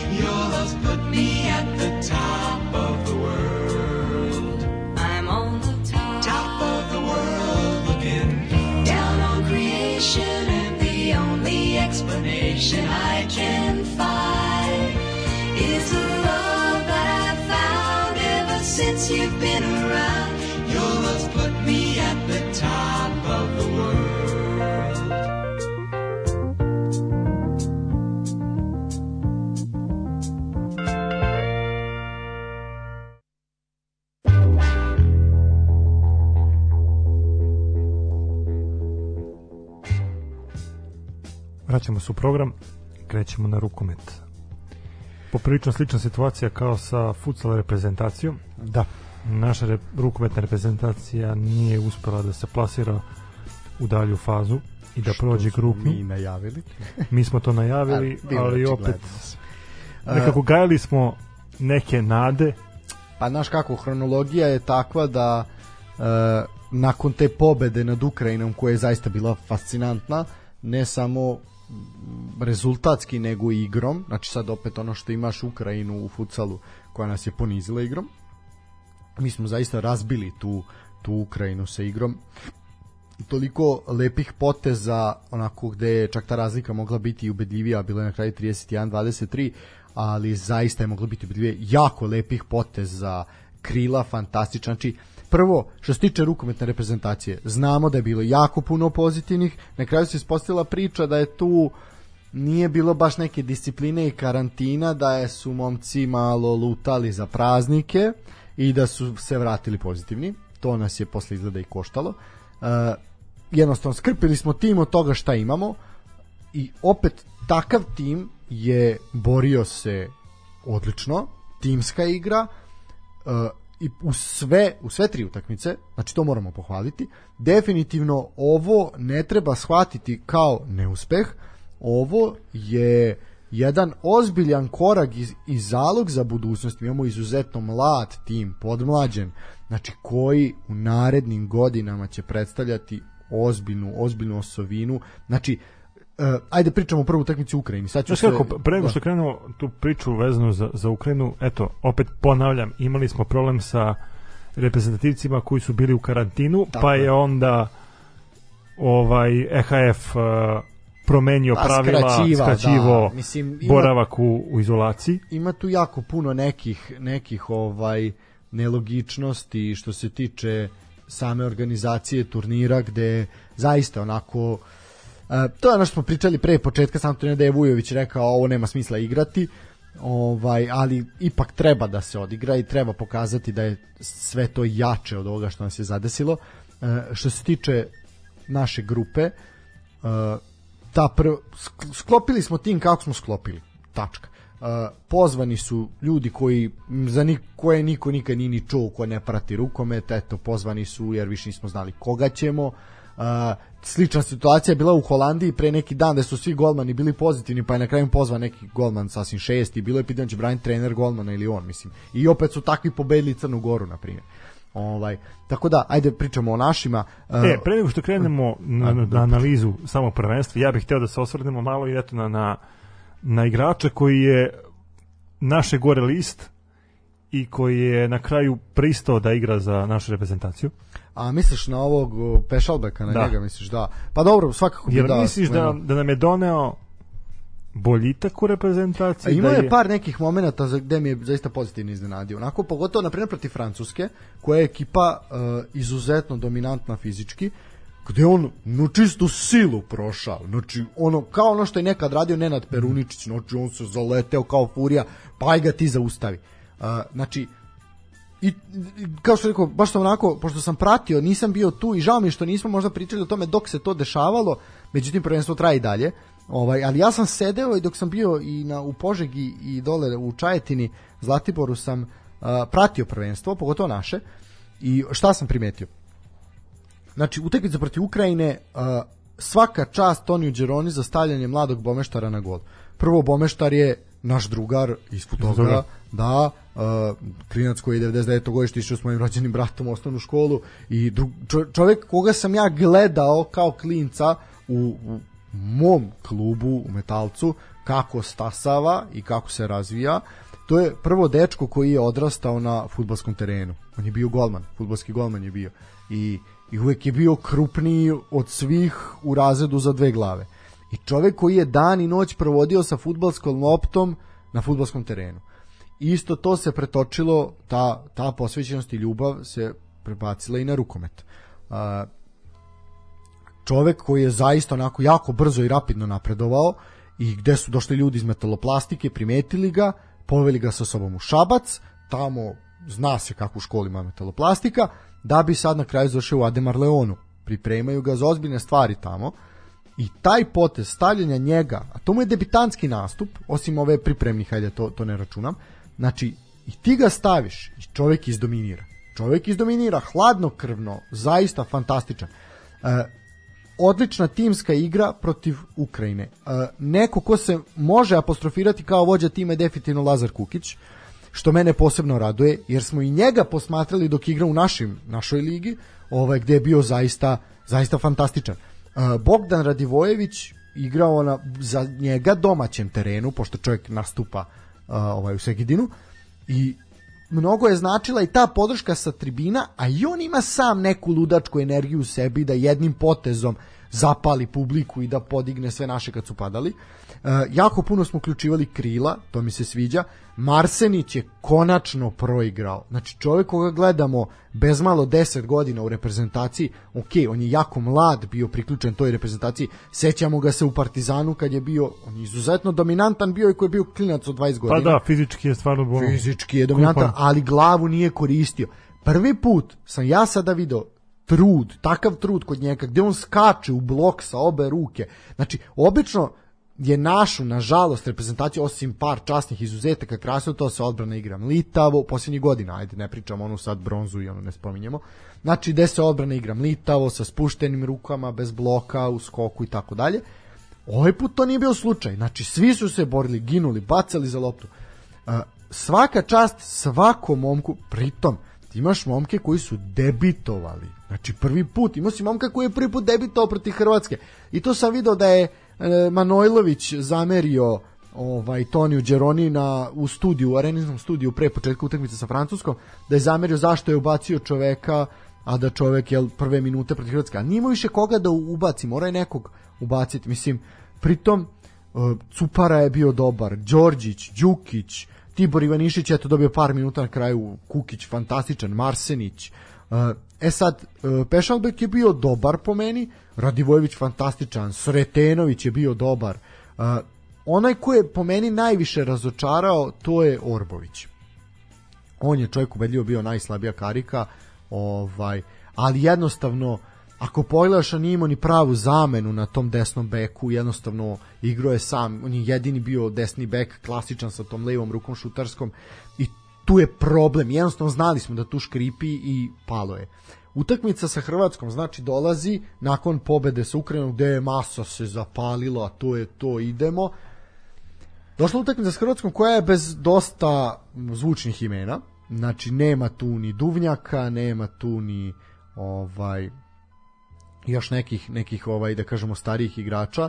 Tu su tu je Cindrić, tu je Čupić, ovaj u suštini ovo sve ostalo je manje više povređeno ili jednostavno nije nije nije zvato. Međutim Čupić nas je ubio čovek sa 30 i nešto godina, šest golova sa krila čovek dao. Uh, Jaganjac takođe bio dobar, Martinović je bio dobar, mislim Cindrić je bio fantastičan, čovjek bio na kraju igrač utakmice.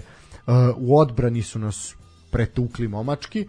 E sad, ključni momenti protiv Hrvatske su mnogo minuta bez postignutog pogotka.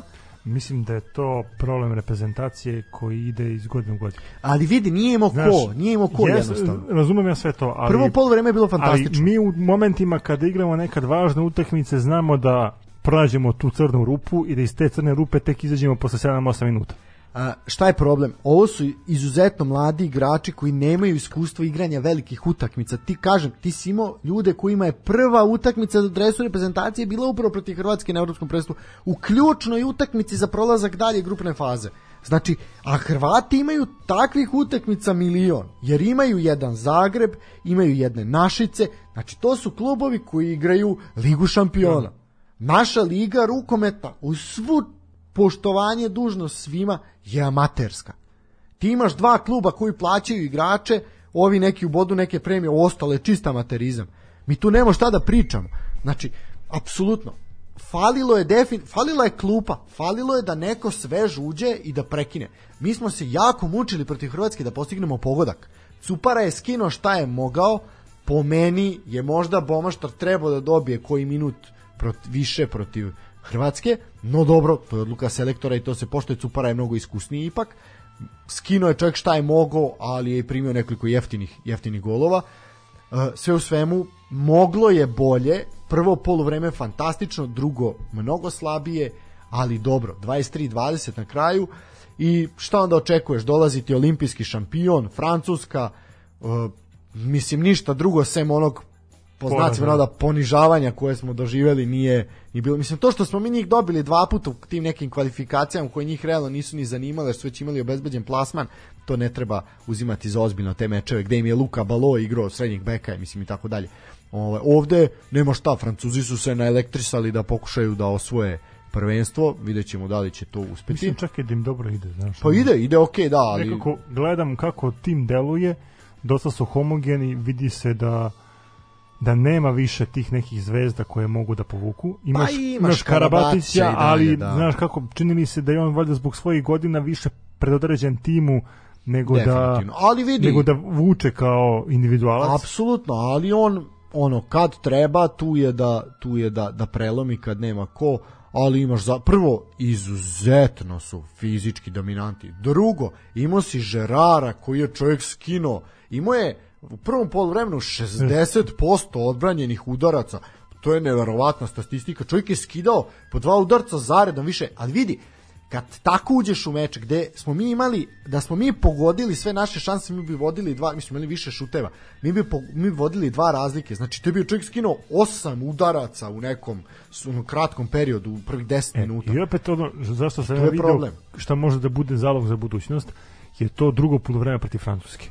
Definitivno a dobro tu su i oni malo stali razumeš i to je Jesu stali, jesu iz, vršili izmene, ubacili su drugu postavu, a, smanjili su gas, intenzitet, ali mi opet e, i naša reprezentacija pokazala da može da se da se nosi u određenim momentima. Ako pogledamo tok meča protiv Francuza, znači ti na jedan naš gol si imao tri njihova. Znači, oni daju devet gola, mi smo dali tri. I onda sledi serija od pet golova koju smo mi presekli jednim, da bi onda oni nastavili sa još jednim. I tu je, tu je realno bio, bio kraj. E, što se tiče ove preliminarni grupne faze. Danska fantastična, prvi favorit turnira. Crna Gora odlična. Crna Gora je iznenađenje turnira. E, aj samo mi Holandiju. reci, znači, kako Crna Gora može da igra u zelenim dresovima? Ne znam. Aj, to je vrlo dobro. Zašto Bosna igra u žutim? Ajde. Ja sam gledao utakmicu između, To je to su im kao to je druga između Crne Gore i. Makedonije To je druga garnitura. i meni ono Ali u, rukomet se- dobar, ali znaš kao Crna Gora u zelenim dresovima kao šta je sad? ali Znaš, kao, i žene da li su Britan ima uticaj na na rukometnu reprezentaciju? Ne znam šta može da bude. Nije, sad upravo ste ispraviti. Ajde, reci pre koju molim godinu, pre koju godinu kad je bilo žensko prvenstvo u u Beogradu, sećaš se, bilo par godina zaredom je bilo, dve godine zaredom je bilo. 2012, 2013. Tako je, nešto. da, nešto, da. Uh, su isto igrale u zelenim dresovima. Jesi siguran? Je 100%. Znam da sam isto to tad prokomentarisao. Od Ja šta rade u zelenim ja mislim jesu, da jesu, nisu. Znači- jesu, jesu, sigurno. Sigurno. Evo, proverit Ali to. mušku reprezentaciju Crne Gore mi nismo imali prilike ni da vidimo na nekim Znači, da ja se sećam, znam, igrali su na Spensu. Ženska reprezentacija Tako je. bila njihova na, na, na Spensu I i, ja sam ubeđen pre- sam da su imali crvene dresove. Da, ali kad su igrali protiv nekog u areni ko je imao crvene dresove, oni su igrali u zeleni. Proveri, ja znam da sam to isto prokomentarisao i da mi nije bilo jasno šta, šta ljudi rade. Uh, dok ti to proveraš, znači Slovenija i Makedonija su definitivno razočarenje turnira. Znači, ali duše Makedonci su zaista imali jako puno problema sa covidom i sa povredama kao i Slovenija. E, Island i e, Holandija su onako savladali Mađare, izbacili ih iz grupe što isto iznenađenje. Portugal je bio simpatičan i Portugal je definitivno u, u rukometu Portugal je u razvoju i to će biti zanimljivo pratiti. Sama liga izuzetno postaje zanimljiva.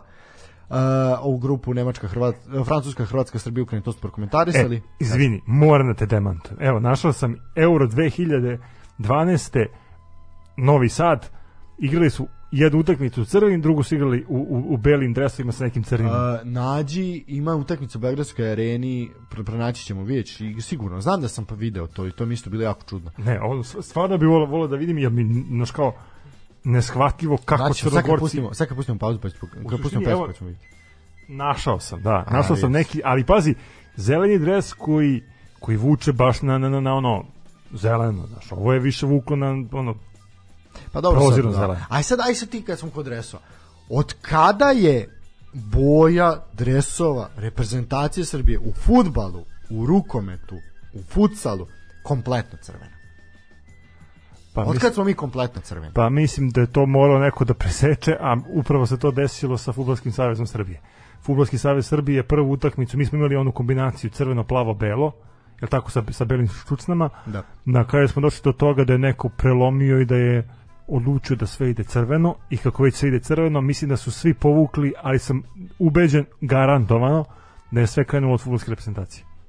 Pa da, ali mislim, ali naša boja nije crvena, mi smo crveno-plavi i dobro beli, ali mislim da ovo zaista onako bez veze, pritom je druga garnitura kompletno bela. Ovaj, tako da, aj dobro. Uh, što se tiče ove grupe Nemačka, Poljska, Belorusija, Austrija, tu nema šta pričati, Nemci i Poljaci su svakako favoriti i Španija, uh, Švedska takođe su izbacili Češku i Bosnu i u posljednjoj grupi smo imali Rusiju, Norvešku, Slovačku i Litvaniju, tu su Rusi i Norvežani odradili posao.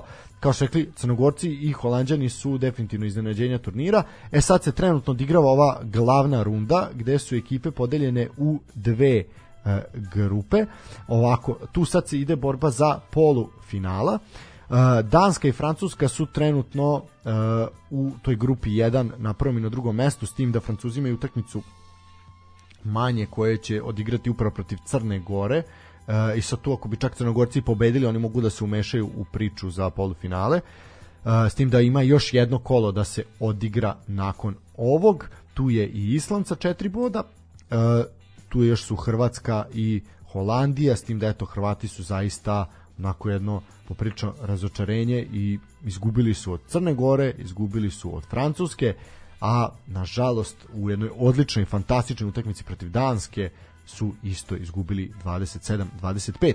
Grupa 2, Norveška, Švedska i Španija se tamo bore za ta dva mesta koje vode u polufinale. Obe ekipe, e, sve tri ekipe pardon, imaju po šest bodova iz četiri odigrane utakmice s tim da Rusija, Nemačka i Poljska su definitivno otpisani i oni o, traže jel u tim borbama za dalje dalje plasmane. E, kao što rekoh, ima tu da se odigra još uh, danas i ima još jedno kolo, ali kratko ćemo samo reći ove naše, ovaj znači danas imamo još da odigraju uh, Bože, sad sam rekao, znači strašno. Crnogorci sad sam rekao, ne mogu da verujem, ne mogu da verujem šta se dešava.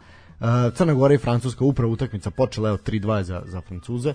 Ovaj a to je posljednja posljednja utakmica današnjeg dana, a 25. i 26. se igra posljednje kolo, Poljska, Španija, Nemačka, Rusija, Švedska, Norveška, Crna Gora i Island, uh, Crna Gora eventualnim iznenađenjem protiv Francuske i pobedom nad Islandom može traži svoj put u polufinale.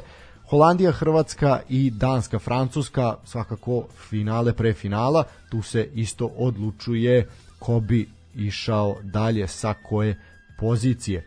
Uh, što se tiče nekih vesti, ovaj, na primjer Islanđani su svoju šansu prokockali protiv Hrvatske, uh, Hrvati su besni onako, kažu da je euro nere- neregularan, da je kolaps, da su igrači im se upoznavali jedni sa drugima pred meč sa Crnom Gorom, da zapisnik je popunjao na silu, zvali su igrače koji su najbliži, a ne najbolji, ali dobro, to je sad jednostavno jednostavno tako ovaj mislim ni, ni, ne treba kriviti nigde ni selektora, ni jedne reprezentacije, ni igrača, jednostavno organizacija prvenstva a, je bila jako problematična. Znači ljudi su provodili po 5-6 sati na telefonu moljakajući laboratorije, ono ajde ubrzajte testiranje, ali kako da ubrzaš, kako da staviš prioritet kad je svuda sve zatrpano.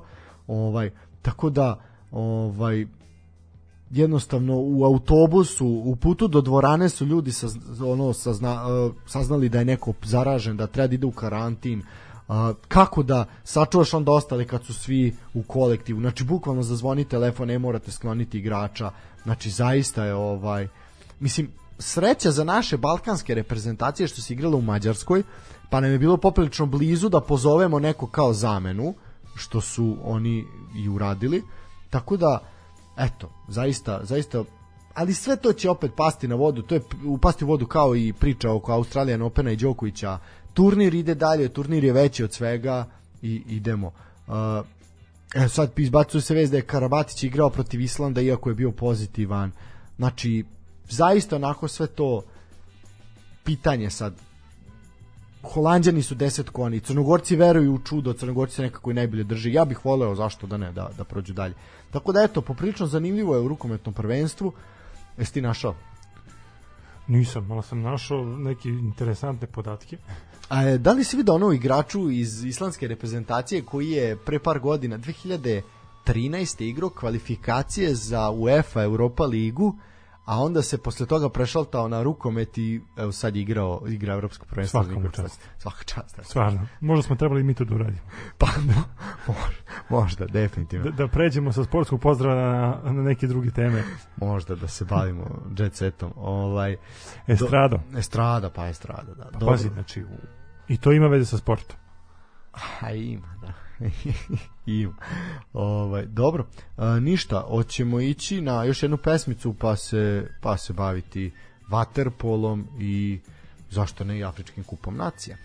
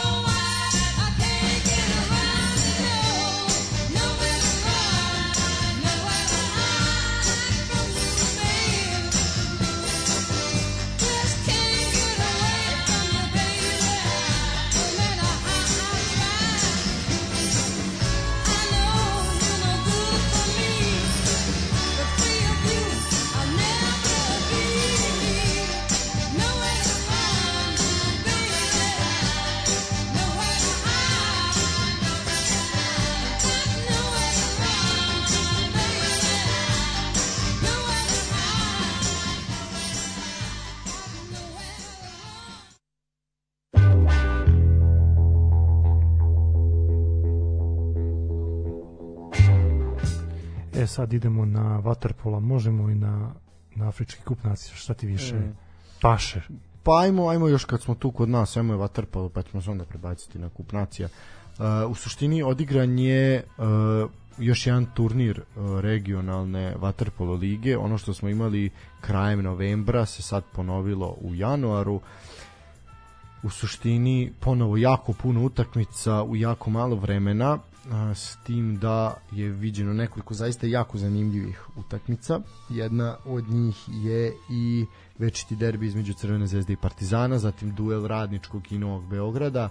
Svakako ovaj je prošli put je Novi Beograd bio jel najubedljiviji, ovaj put je to bio a, Dubrovački Dubrovački jug koji je zaista ovaj pokazao onako klasu i totalno totalno ovaj deklasirao sve svoje sve svoje protivnike.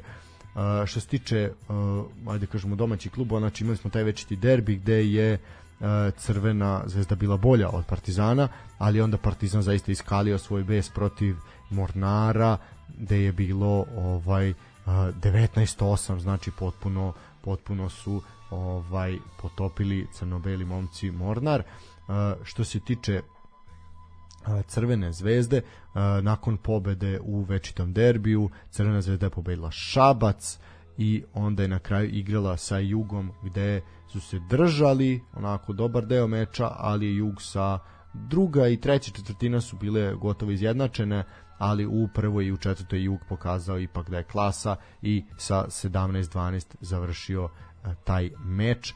Što se tiče Novog Beograda, tu je onako nisu cvetale ruže kao prošli put. Uh, savladali su Solaris, igrali su nerešeno sa Primorcem 11-11 i izgubili su od Radničkog iz Kragujevca. Tako da je to onako malo problematično za Novi Beograd i e, Vladimir Vujasinović je ovaj napustio klupu Novog Beograda, jednostavno podneo je čovjek ostavku nakon loših loših rezultata. Mislim znamo da je on čovek ovaj onako častan i da će on stati za svojih dela. Jednostavno ovaj rekao je kao neko ko je na, kao igrač i kao trener zaista uvijek imao najviše sportske ciljeve. Jednostavno ne može da bude zadovoljan ono što je ekipa pokazala i eto ovaj on će pokušati da malo razdrma ekipu na ovaj način.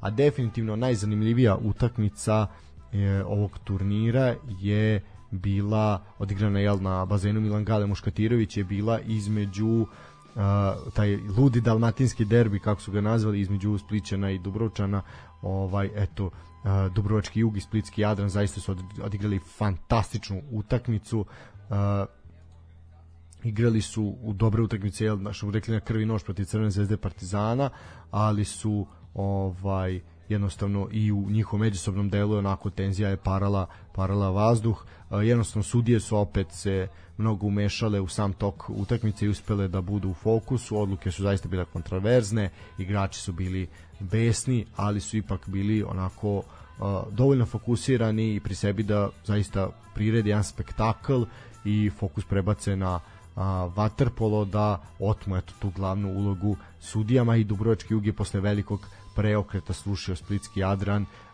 na bazenu ovaj podno Kalemegdana 16-14 je je bilo na kraju. Ovaj zaista sudije su jako loše loše bile. I uvek je ta priča u Waterpolu oko uticaja sudija i koliko zapravo lako sudije menjaju menjaju sam tok meča. Uh, eto Jug je apsolutno izašao kao šampion ovog turnira. Što se tiče tabele uh, najbliži najbliži Final Fouru su upravo ovaj upravo ekipa Juga. A, Novi Beograd se još uvijek drži tu na drugom mestu upravo zbog tog prvog dobrog turnira. A, Radnički iz Kragujevca je treći a Jadran iz Splita četvrti. To su za sada ekipe koje pretenduju na final final four. Uh, u suštini uh, kažem opet jako puno jako puno utakmica jako puno ovaj u kratkom vremenskom periodu arena je sve sve prenosila što je jako pohvalno Pohvalno, da. da A, ali ono što moram da kudim arenu je da a, kako bih rekao kvalitet samog prenosa bio jako loš.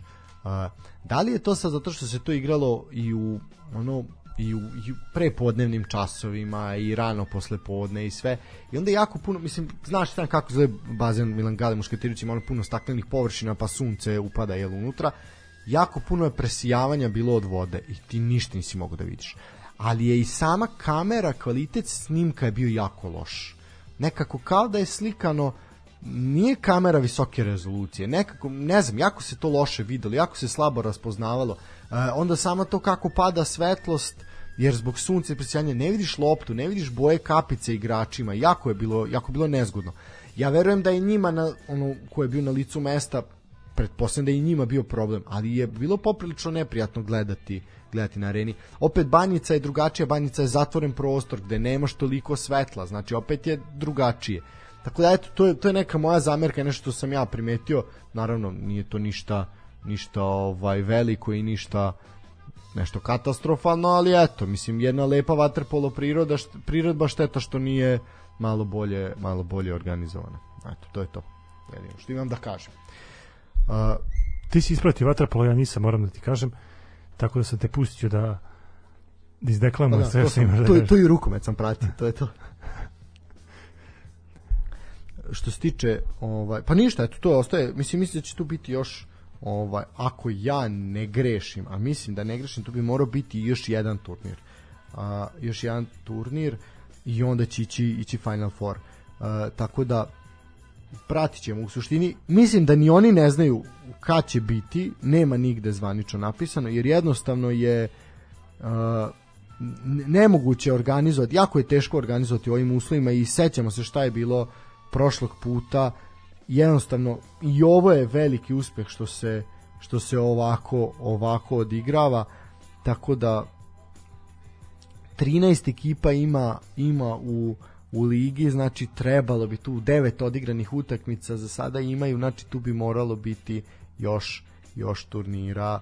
Eto, to je što se tiče onoga što se dešavalo ovih dana u našem u našoj državi i u našoj regiji, a možemo se preseliti na Drugi kontinent. na crni kontinent, da. Uh, tamo je u toku odigravanje uh, Afričkog kupa nacija, jednog uh, poprilično zanimljivog takmičenja, ali ne toliko lepotom igre koliko nekim absurdnim momentima. Uh, trenutno je, na primjer, kraj prvog poluvremena između uh, Kameruna i Komorskih ostrova gde Kamerun vodi se 1-0. Uh, što se tiče to je trenutno osmina osmina finala. Uh, odigrane su utakmice Nigerija Tunis da je Tunis pobedio se 1-0 Burkina Faso Gabon nakon penala je Burkina Faso prošla dalje. Uh, slede naravno uh, utakmice osmine finala gde imamo Senegal i Zene- zeleno Rtska ovaj ostrva, Maroko, Malavi, obala Slonovač i Egipat koja je definitivno najzanimljivija utakmica tamo, da ako, da ako 26. od 17 časova nemate šta da radite, definitivno na sport klubu pratite ovu utakmicu, to je nešto jako zanimljivo. Mali ekvatorijalna Gvineja, mislim zaista, bože sačuvaj, i prvi par četvrt finale je Burkina Faso i Tunis. A, jako puno stvari je bilo. Bilo je to da se reprezentacija dolazila čamcima, brodom. E, Mozambiku su promašivali himnu, pa su dva puta posle E, pogrešno a mene zanima, to sam video na, na internetu da su da neka reprezentacija se prvi put plasirala na Afrički kup nacija i onda, su, Bilo, i onda im je da. stanovništvo ljubilo noge ili Da. Pa to je Mozambik, mislim da su upravo radi Mozambiku, jer njima su promašili himnu. Ovo je pa ono ko pustili himnu, ljudi gledaju i kao ono što pustili, drugi put opet pustili pogrešno, na kraju su sami otpevali. Ovaj mislim, ajde sad mi mnogo kakimo, ali naša, naša reprezentacija više puta bila u toj prilici da se promašuje himna. Ovaj pogotovo nakon ono razlaza Srbije i Crne pa Gore. da, ali im nikad nacija nije ljubila noge. Nisu Pa. zaslužili. Nisu zaslužili, sad da su zaslužili možda i bi. Ovaj, mada dobro sad kad se Pixi plasirao ovaj, u Katar, bili smo blizu da im ljubimo noge. Blizu, moraš priznati. Pa. Šta misliš ako, ako hipotetično? Slušaj, najdalje što smo stigli, to je bilo ono kada je Nataša Šavija izjavila da, da. kad smo kod prisnosti između navijača i, i igrača. Kao, Ja ne znam da li ona to ispunila na kraju. Ko zna? Ovaj, tako da, e, što se tiče toga, mislim, kažem, jako puno loših sudijskih odluka, a, jako puno koškanja, gde ono sudija svira kraj 85. minutu, 89. minutu. Pa stava mu sat. Pa, pa mislim pa ga ispravljaju pa se vraća. Pa mislim ono zaista jedno takmičenje koje kad pogledaš prvo nepotrebno veliki broj reprezentacija, zaista se to može skratiti, a drugo e, kad pogledaš organizaciju tog takmičenja vidi znači Superliga je liga šampiona za ovo veruj mi, znači i po kvalitetu i po organizaciji i po svemu zaista ono, ali dobro, ajde, pratimo zato što nema šta drugo, pa ajde gledamo to tako da u suštini šta se čekamo se. Dobro, ima malo, ima malo basketa, tu smo imali Partizan koji je ono u tri dana igrao nešto ludački broj utakmica, ovaj, nažalost je morao Pritom, da pritom je izgubi. Partizan kiksnuo protiv Mege. Negdje, da. Pa jednostavno je moralo mislim, biti. Igrali su protiv studentskog centra gde su se jedva skupili, pa su imali Evropu, pa Megu, pa ovo, pa ono. Zvezda je skoro pro, posle mesec dana tako odigrala Odigrala protiv Asvela, da, pa su, pa su izgubili, da. Ovaj, igrali su večeras, mislim, ovaj, ne znam kako su prošli.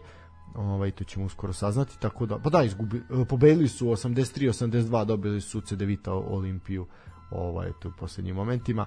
Tako da, eto, i tu se, mislim, sad ta priča oko korone se zakuvala ozbiljno i sad ćemo mi tu videti šta će tu biti jako puno pozitivnih, jako puno ekipe, svi svi dvoranski sportovi imaju problema. A, mislim uopšte situacija je loša, ono jako puno, jako veliki su brojevi, ovaj tako da nešto nešto će se morati morati menjati, a naravno sve oči su uprte u to da vidimo kako će zajednica superligaša ovaj Evo nešto jako zanimljivo se dešava u utakmici među Crne Gore i Francuske. Prvi golman Francuske Gerard, čovjek koji je nama poskio sve i i ovde počeo da briljira i dobio je direktan crni karton, direktno isključenje u 18. minutu utakmice na dva razlike za da vidimo zbog čega izašao iz golmanskog prostora i lupio je šamar, a nije a joj, delovalo je kao da je lupio šamar igraču igraču Crne Gore, ali na ponovljene, pošto sada i u rukometu imate var, jel? Ovaj, na ponovljenom snimku deluje da ga je čovek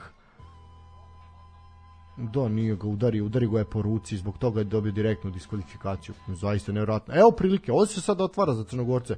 Podok iz penala, e, Crnogorcima igrača više, 18. minut, jedan razlike za Francusku. Eto, eto šanse da se braća plasiraju dalje. Zašto ne? Zašto ne do medalje i do polufinala posle medalje? Tako da, eto, zanimljivo. Zanimljivo. Ništa. A, imaš još nešto pametno da kažeš, hoćemo završavati polako. Pa ništa je to. Boga mi, prešli smo sve što smo mogli da pređemo. Sve, apsolutno. Ja moram da kažem da sam za vikend bio na, na hokejaškoj utakmici i ispratio sam utakmicu između Vojvodine i Crvene zvezde. Vojvodina je izgubila rezultatom 5-0 od Beograđana, ali je pružen stvarno dobar hokej. Tako da mislim da smo eto i, i, i ovom informacijom pokrili sve što možemo da pokrijemo kad su u pitanju Apsolutno. Neki sportski događaj. sve što se odigralo smo ispričali, nema više ništa, ono, to je to. Da, Novi Sad je postao evropska predstavnica kulture. Ajme meni, majko. A, ajde, hoćemo prokomentarisati Vam hoću. Da, ajde, pošto se dešava u našem gradu. A, ironija života, ironija univerzuma, ironija svega je i to je moja teorija da nas neko sedi i zajebava, da piše scenariju za sve ovo je da Mla, na- mlađe nas zajebava. Pa definitivno, da. Ovaj, između ostalog i on.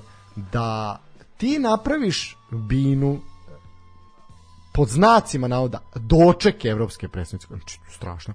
Ovaj, napraviš binu uh, na bulevaru Mihajla Pupina kod restorana Gondola u Novom Sadu. E sad, oni koji su iz Novog Sada ili svi kada prošli tuda znaju zašto je ta lokacija specifična, osim što gleda na park i nalazi se na bulevaru koji ide prema a, Petrovaradinskoj tvrđavi.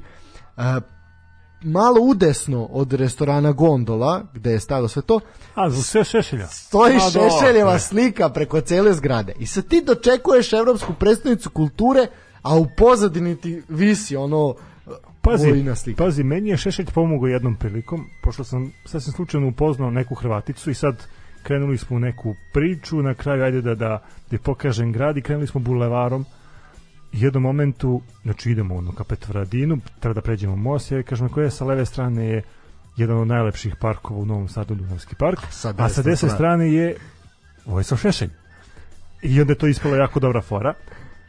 ovdje se ona nasmejala i da sam ja kao ispod neki šmeker. Čekaj, tako ladno si zbario ribu na nisam, šešelja. nisam, nisam izbario, ali, ali sam išao ka tome. Pa E sad, kad smo kod uh, tog dočeka, taj doček je bio po meni baš dobar.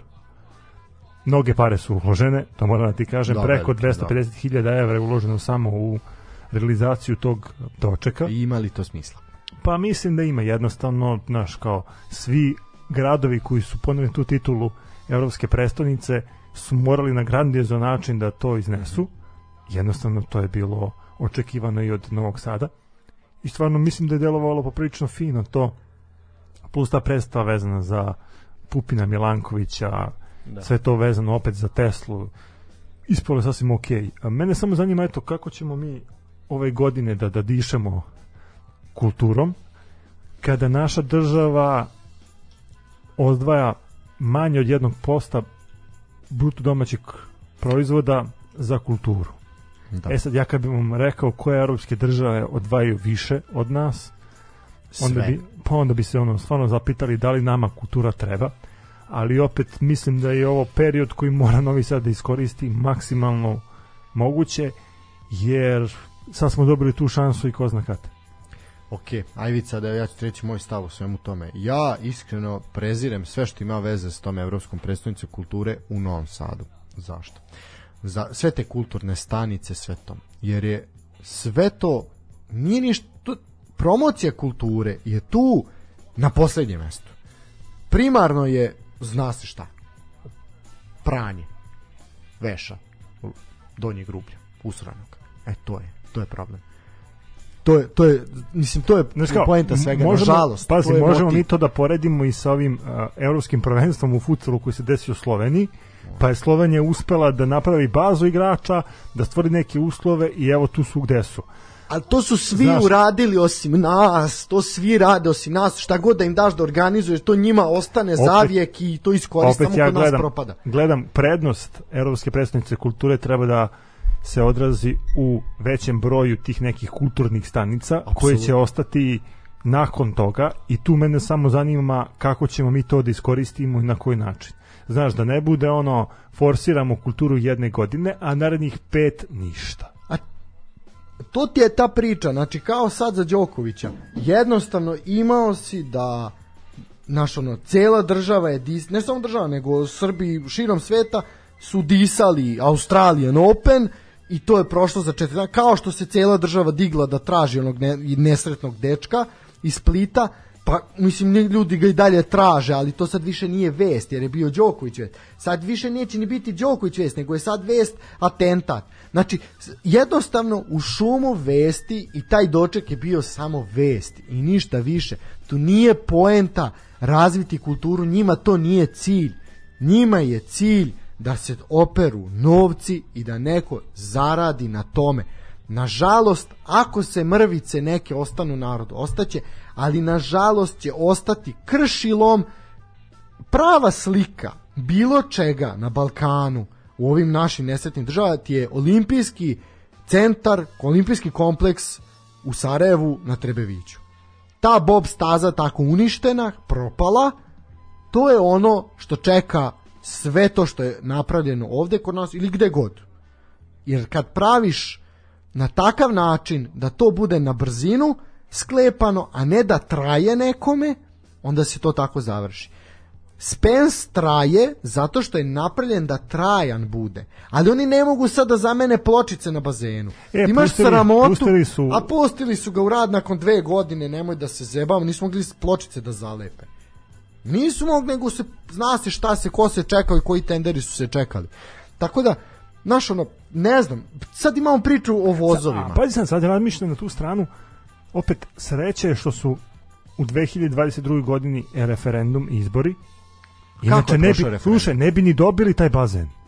Pa ne, pa, pa da. Znaš, ne bi dobili pa znači, bazen, ne bi dobili prugu, ne bi dobili Tako je. ni put, ne Mi ovde dobili ništa. živimo, živimo od predizbor, predizborne kampanje do predizborne kampanje. Znači, kada će Vučić otvoriti put, kada će bilo ko uraditi nešto, osim Borisa Tadića koji išao da mazi krave, znači, jednostavno, ne- Znaš, ono, asfaltirat će se ulica kad budu izbori, a ne zato što je potrebno da se asfaltira. Isto tako, pustit ćemo bazen u rad, daćemo ga, do, pazi, jebote, daćemo ga do leta besplatno Nije do leta, novosađenim. do- do aprila. Do aprila, izvinjavam se, još crnije, znači Pa. do izbora će biti besplatno. Pa vas nije sramota? Jel vas nije sramota šta radite? Znači, pa Ne, da- me, meni sad, mislim, meni sad ide u glavu, rekao, znaš kao da se ne pojavi neko ko će ono kao iz revolta vlasti da uzme da piše u bazen. Pa vidi, nije I to žutom tečnošću. Da, pa nije isključeno. Mislim, zna se da je taj bazen, pogotovo noćno kupanje u Spensu je leglo bluda i nemorala. Ovaj, ali... Nataša Bekvala samo snimala spot. Da, mislim, između ostalo. Ne, ali definitivno je to sve problem. E, problem će ostati nama, problem će ostati generacijama koji budu posle nas. Ti imaš sad to testiranje, famozno testiranje vozova i pruga. Koga bre zajebavate? Znači, šta je rečeno, za koliko će? Za pola sata? Kako? Pa da, koliko 200 km. Tako. Mislim, ispratio sam prvih 3 minuta gde se rukovao sa... E sad, da li se rukovao, to ne mogu se setim, zbog ove discipline ovaj, oko covida, kada se pozdravio sa vozačem voza i kad je vozač rekao, eto kao predsjedniče, ja kad sam pre 25-30 godina mlad seo da vozim, ja nisam sanjao da ću ja nekad voziti ovakav voz. I sad onda kao predsjednik je objasnio da eto je on učinio da se on osjeća ponosno i eto prognozirao da će do marta meseca biti puštena u upotrebu ta pruga na relaciji Beograd-Novi Sad. Ok, znači mi koliko već četiri godine nemamo prugu, je li tako? Pa da. Prilike, četiri. 2018. recimo je zaustavljena. Znači četiri godine nemaš prugu. A, pritom, pritom, molio bih da se obrati pažnja na taj intervju njegov i na sat koji se nalazi na vozu. Znači da to, ne, to što oni pričaju ne veze s mozgom. Znači da to ide, vidi, nelogično je ako će stajati na toliko stanica koliko inače staje, ne može ići za to vreme, to je jasno svima, mislim nije to naše da polemišemo, bilo je ozbiljnih ljudi koji su o tome pričali, ali poenta je što znači sad odjedan put dobijamo, sad kad se drma vlast, kad je problem Rio Tinto, kad je problem svašta, sad ćete dobiti prugu. Sad je odjedan put pruga, ovo, gotovo, nema ide, sad ćete dobiti autoput. Taj autoput je potreban. Ta pruga je potrebna, krucijalna. Ali, je li moguće da se pravi samo zato da bi se kupili izbori? Je li moguće da se ništa ne radi u ovoj državi da bi nekom ostalo? Pa jebote, pa neće ni oni večno živeti. Pa ili oni shvatio da to što seku to drveće, što, to, što je, mislim ti znaš o tome, sad ja glupo da ja pričam ekologiji, to je ipak tvoje, tvoje, tvoj teren. Znači, pa jebote dišemo najgori vazduh u Evropi. Jel moguće da ne shvate da će njihova deca disati taj vazduh? Jel moguće da se o tome ne razmišlja? Neće, njihova deca će studirati u nekoj drugoj zemlji, živjeti nekim drugim životom, a nama je nama je da preživimo, znaš. Pa preživljava se, ali problem je što ti je sad litra jogurta 180 dinara. Znači, to, to je nečuveno. Ne, zejtin, zejtin, zejtin je 180, 200. a Jogurt je isto. znači, Kako, ja, ja kupio pre neki nas 99. Onaj veliki od kravica, onaj u roze, onaj flašici je... A dobro, taj je li, koliko, 2 litra, tako. A litra i Litra i po, po. dva Da, litra. ali, brate, 190 dinara, ne mislim, ono, o litri benzina, neću da priča. Ne može da se poliješ kako treba, se Ne zapališ. možeš ni da se zapališ, da, treba ti 1000 dinara da bi se zapalio, ono, mislim, no što tu problem je. Tako da, ono, kao vidim da se opet kao zamrzavaju cene osnovnih životnih namirnica, ali je ovo, vidi, ne znam šta bih rekao, bit će poprilično gadno. Pazi, kad smo kod zamrzavanja tih osnovnih životnih namirnica, pod jedan, hleb, pod broj 2, mleko, pod broj 3, eto nek bude jogurt, broj 4 nek bude informer i, i to je to. Ja mislim da je to dovoljno. jak, jak. pa da, ali to je to naš, to je, nažalost je to problem što će prosječan Srbin kupiti pola hleba, litru mleka, informer, alo ili srpski telegraf. E, to ti je problem. I tu se svaka priča naša, dragi moj Stefane, završava.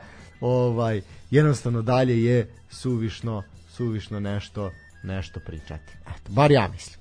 Ne znam šta bih rekao, ljudi uzmite pasoše bešto odavde ili ajde, ajmo na puške, ajmo se I za posao treba para. He, treba sam Treba taksu platiti, pa da, nije ni to lako. Ne znam šta bih rekao. Eto, Pa ništa, eto, ovim političkim krajem završavamo današnju emisiju. mislim da smo bili više nego produktivni, obzirom da nas nije bilo pa skoro dve nedelje. Ali dobro, eto imali smo potrebu da kažemo ovo sve što nam je na duši, da izanaliziramo sve sportska dešavanja koja su bile iza nas. Eto, radujemo se nekim budućim, vidjet ćemo šta će se dešavati. Uh, uskoro kreće i naša famozna Linglong Superliga, pa i to naravno moramo da ispratimo. Ima dosta tih nekih uh, sportskih dešavanja u ovoj godini, između ostalog i svetsko prvenstvo u atletici, ali opet o tom potom, to ćemo pričati kada za to dođe vreme. To bi bilo to za večerašnje izdanje. Hvala vama što ste odvojili vreme, hvala vam što ste imali strpljenja da slušate ove naše komentare i nadamo se da se vidimo u narednom terminu sledećeg ponedeljka. To bi bilo to za večeras. Prijatno veče i sportski pozdrav.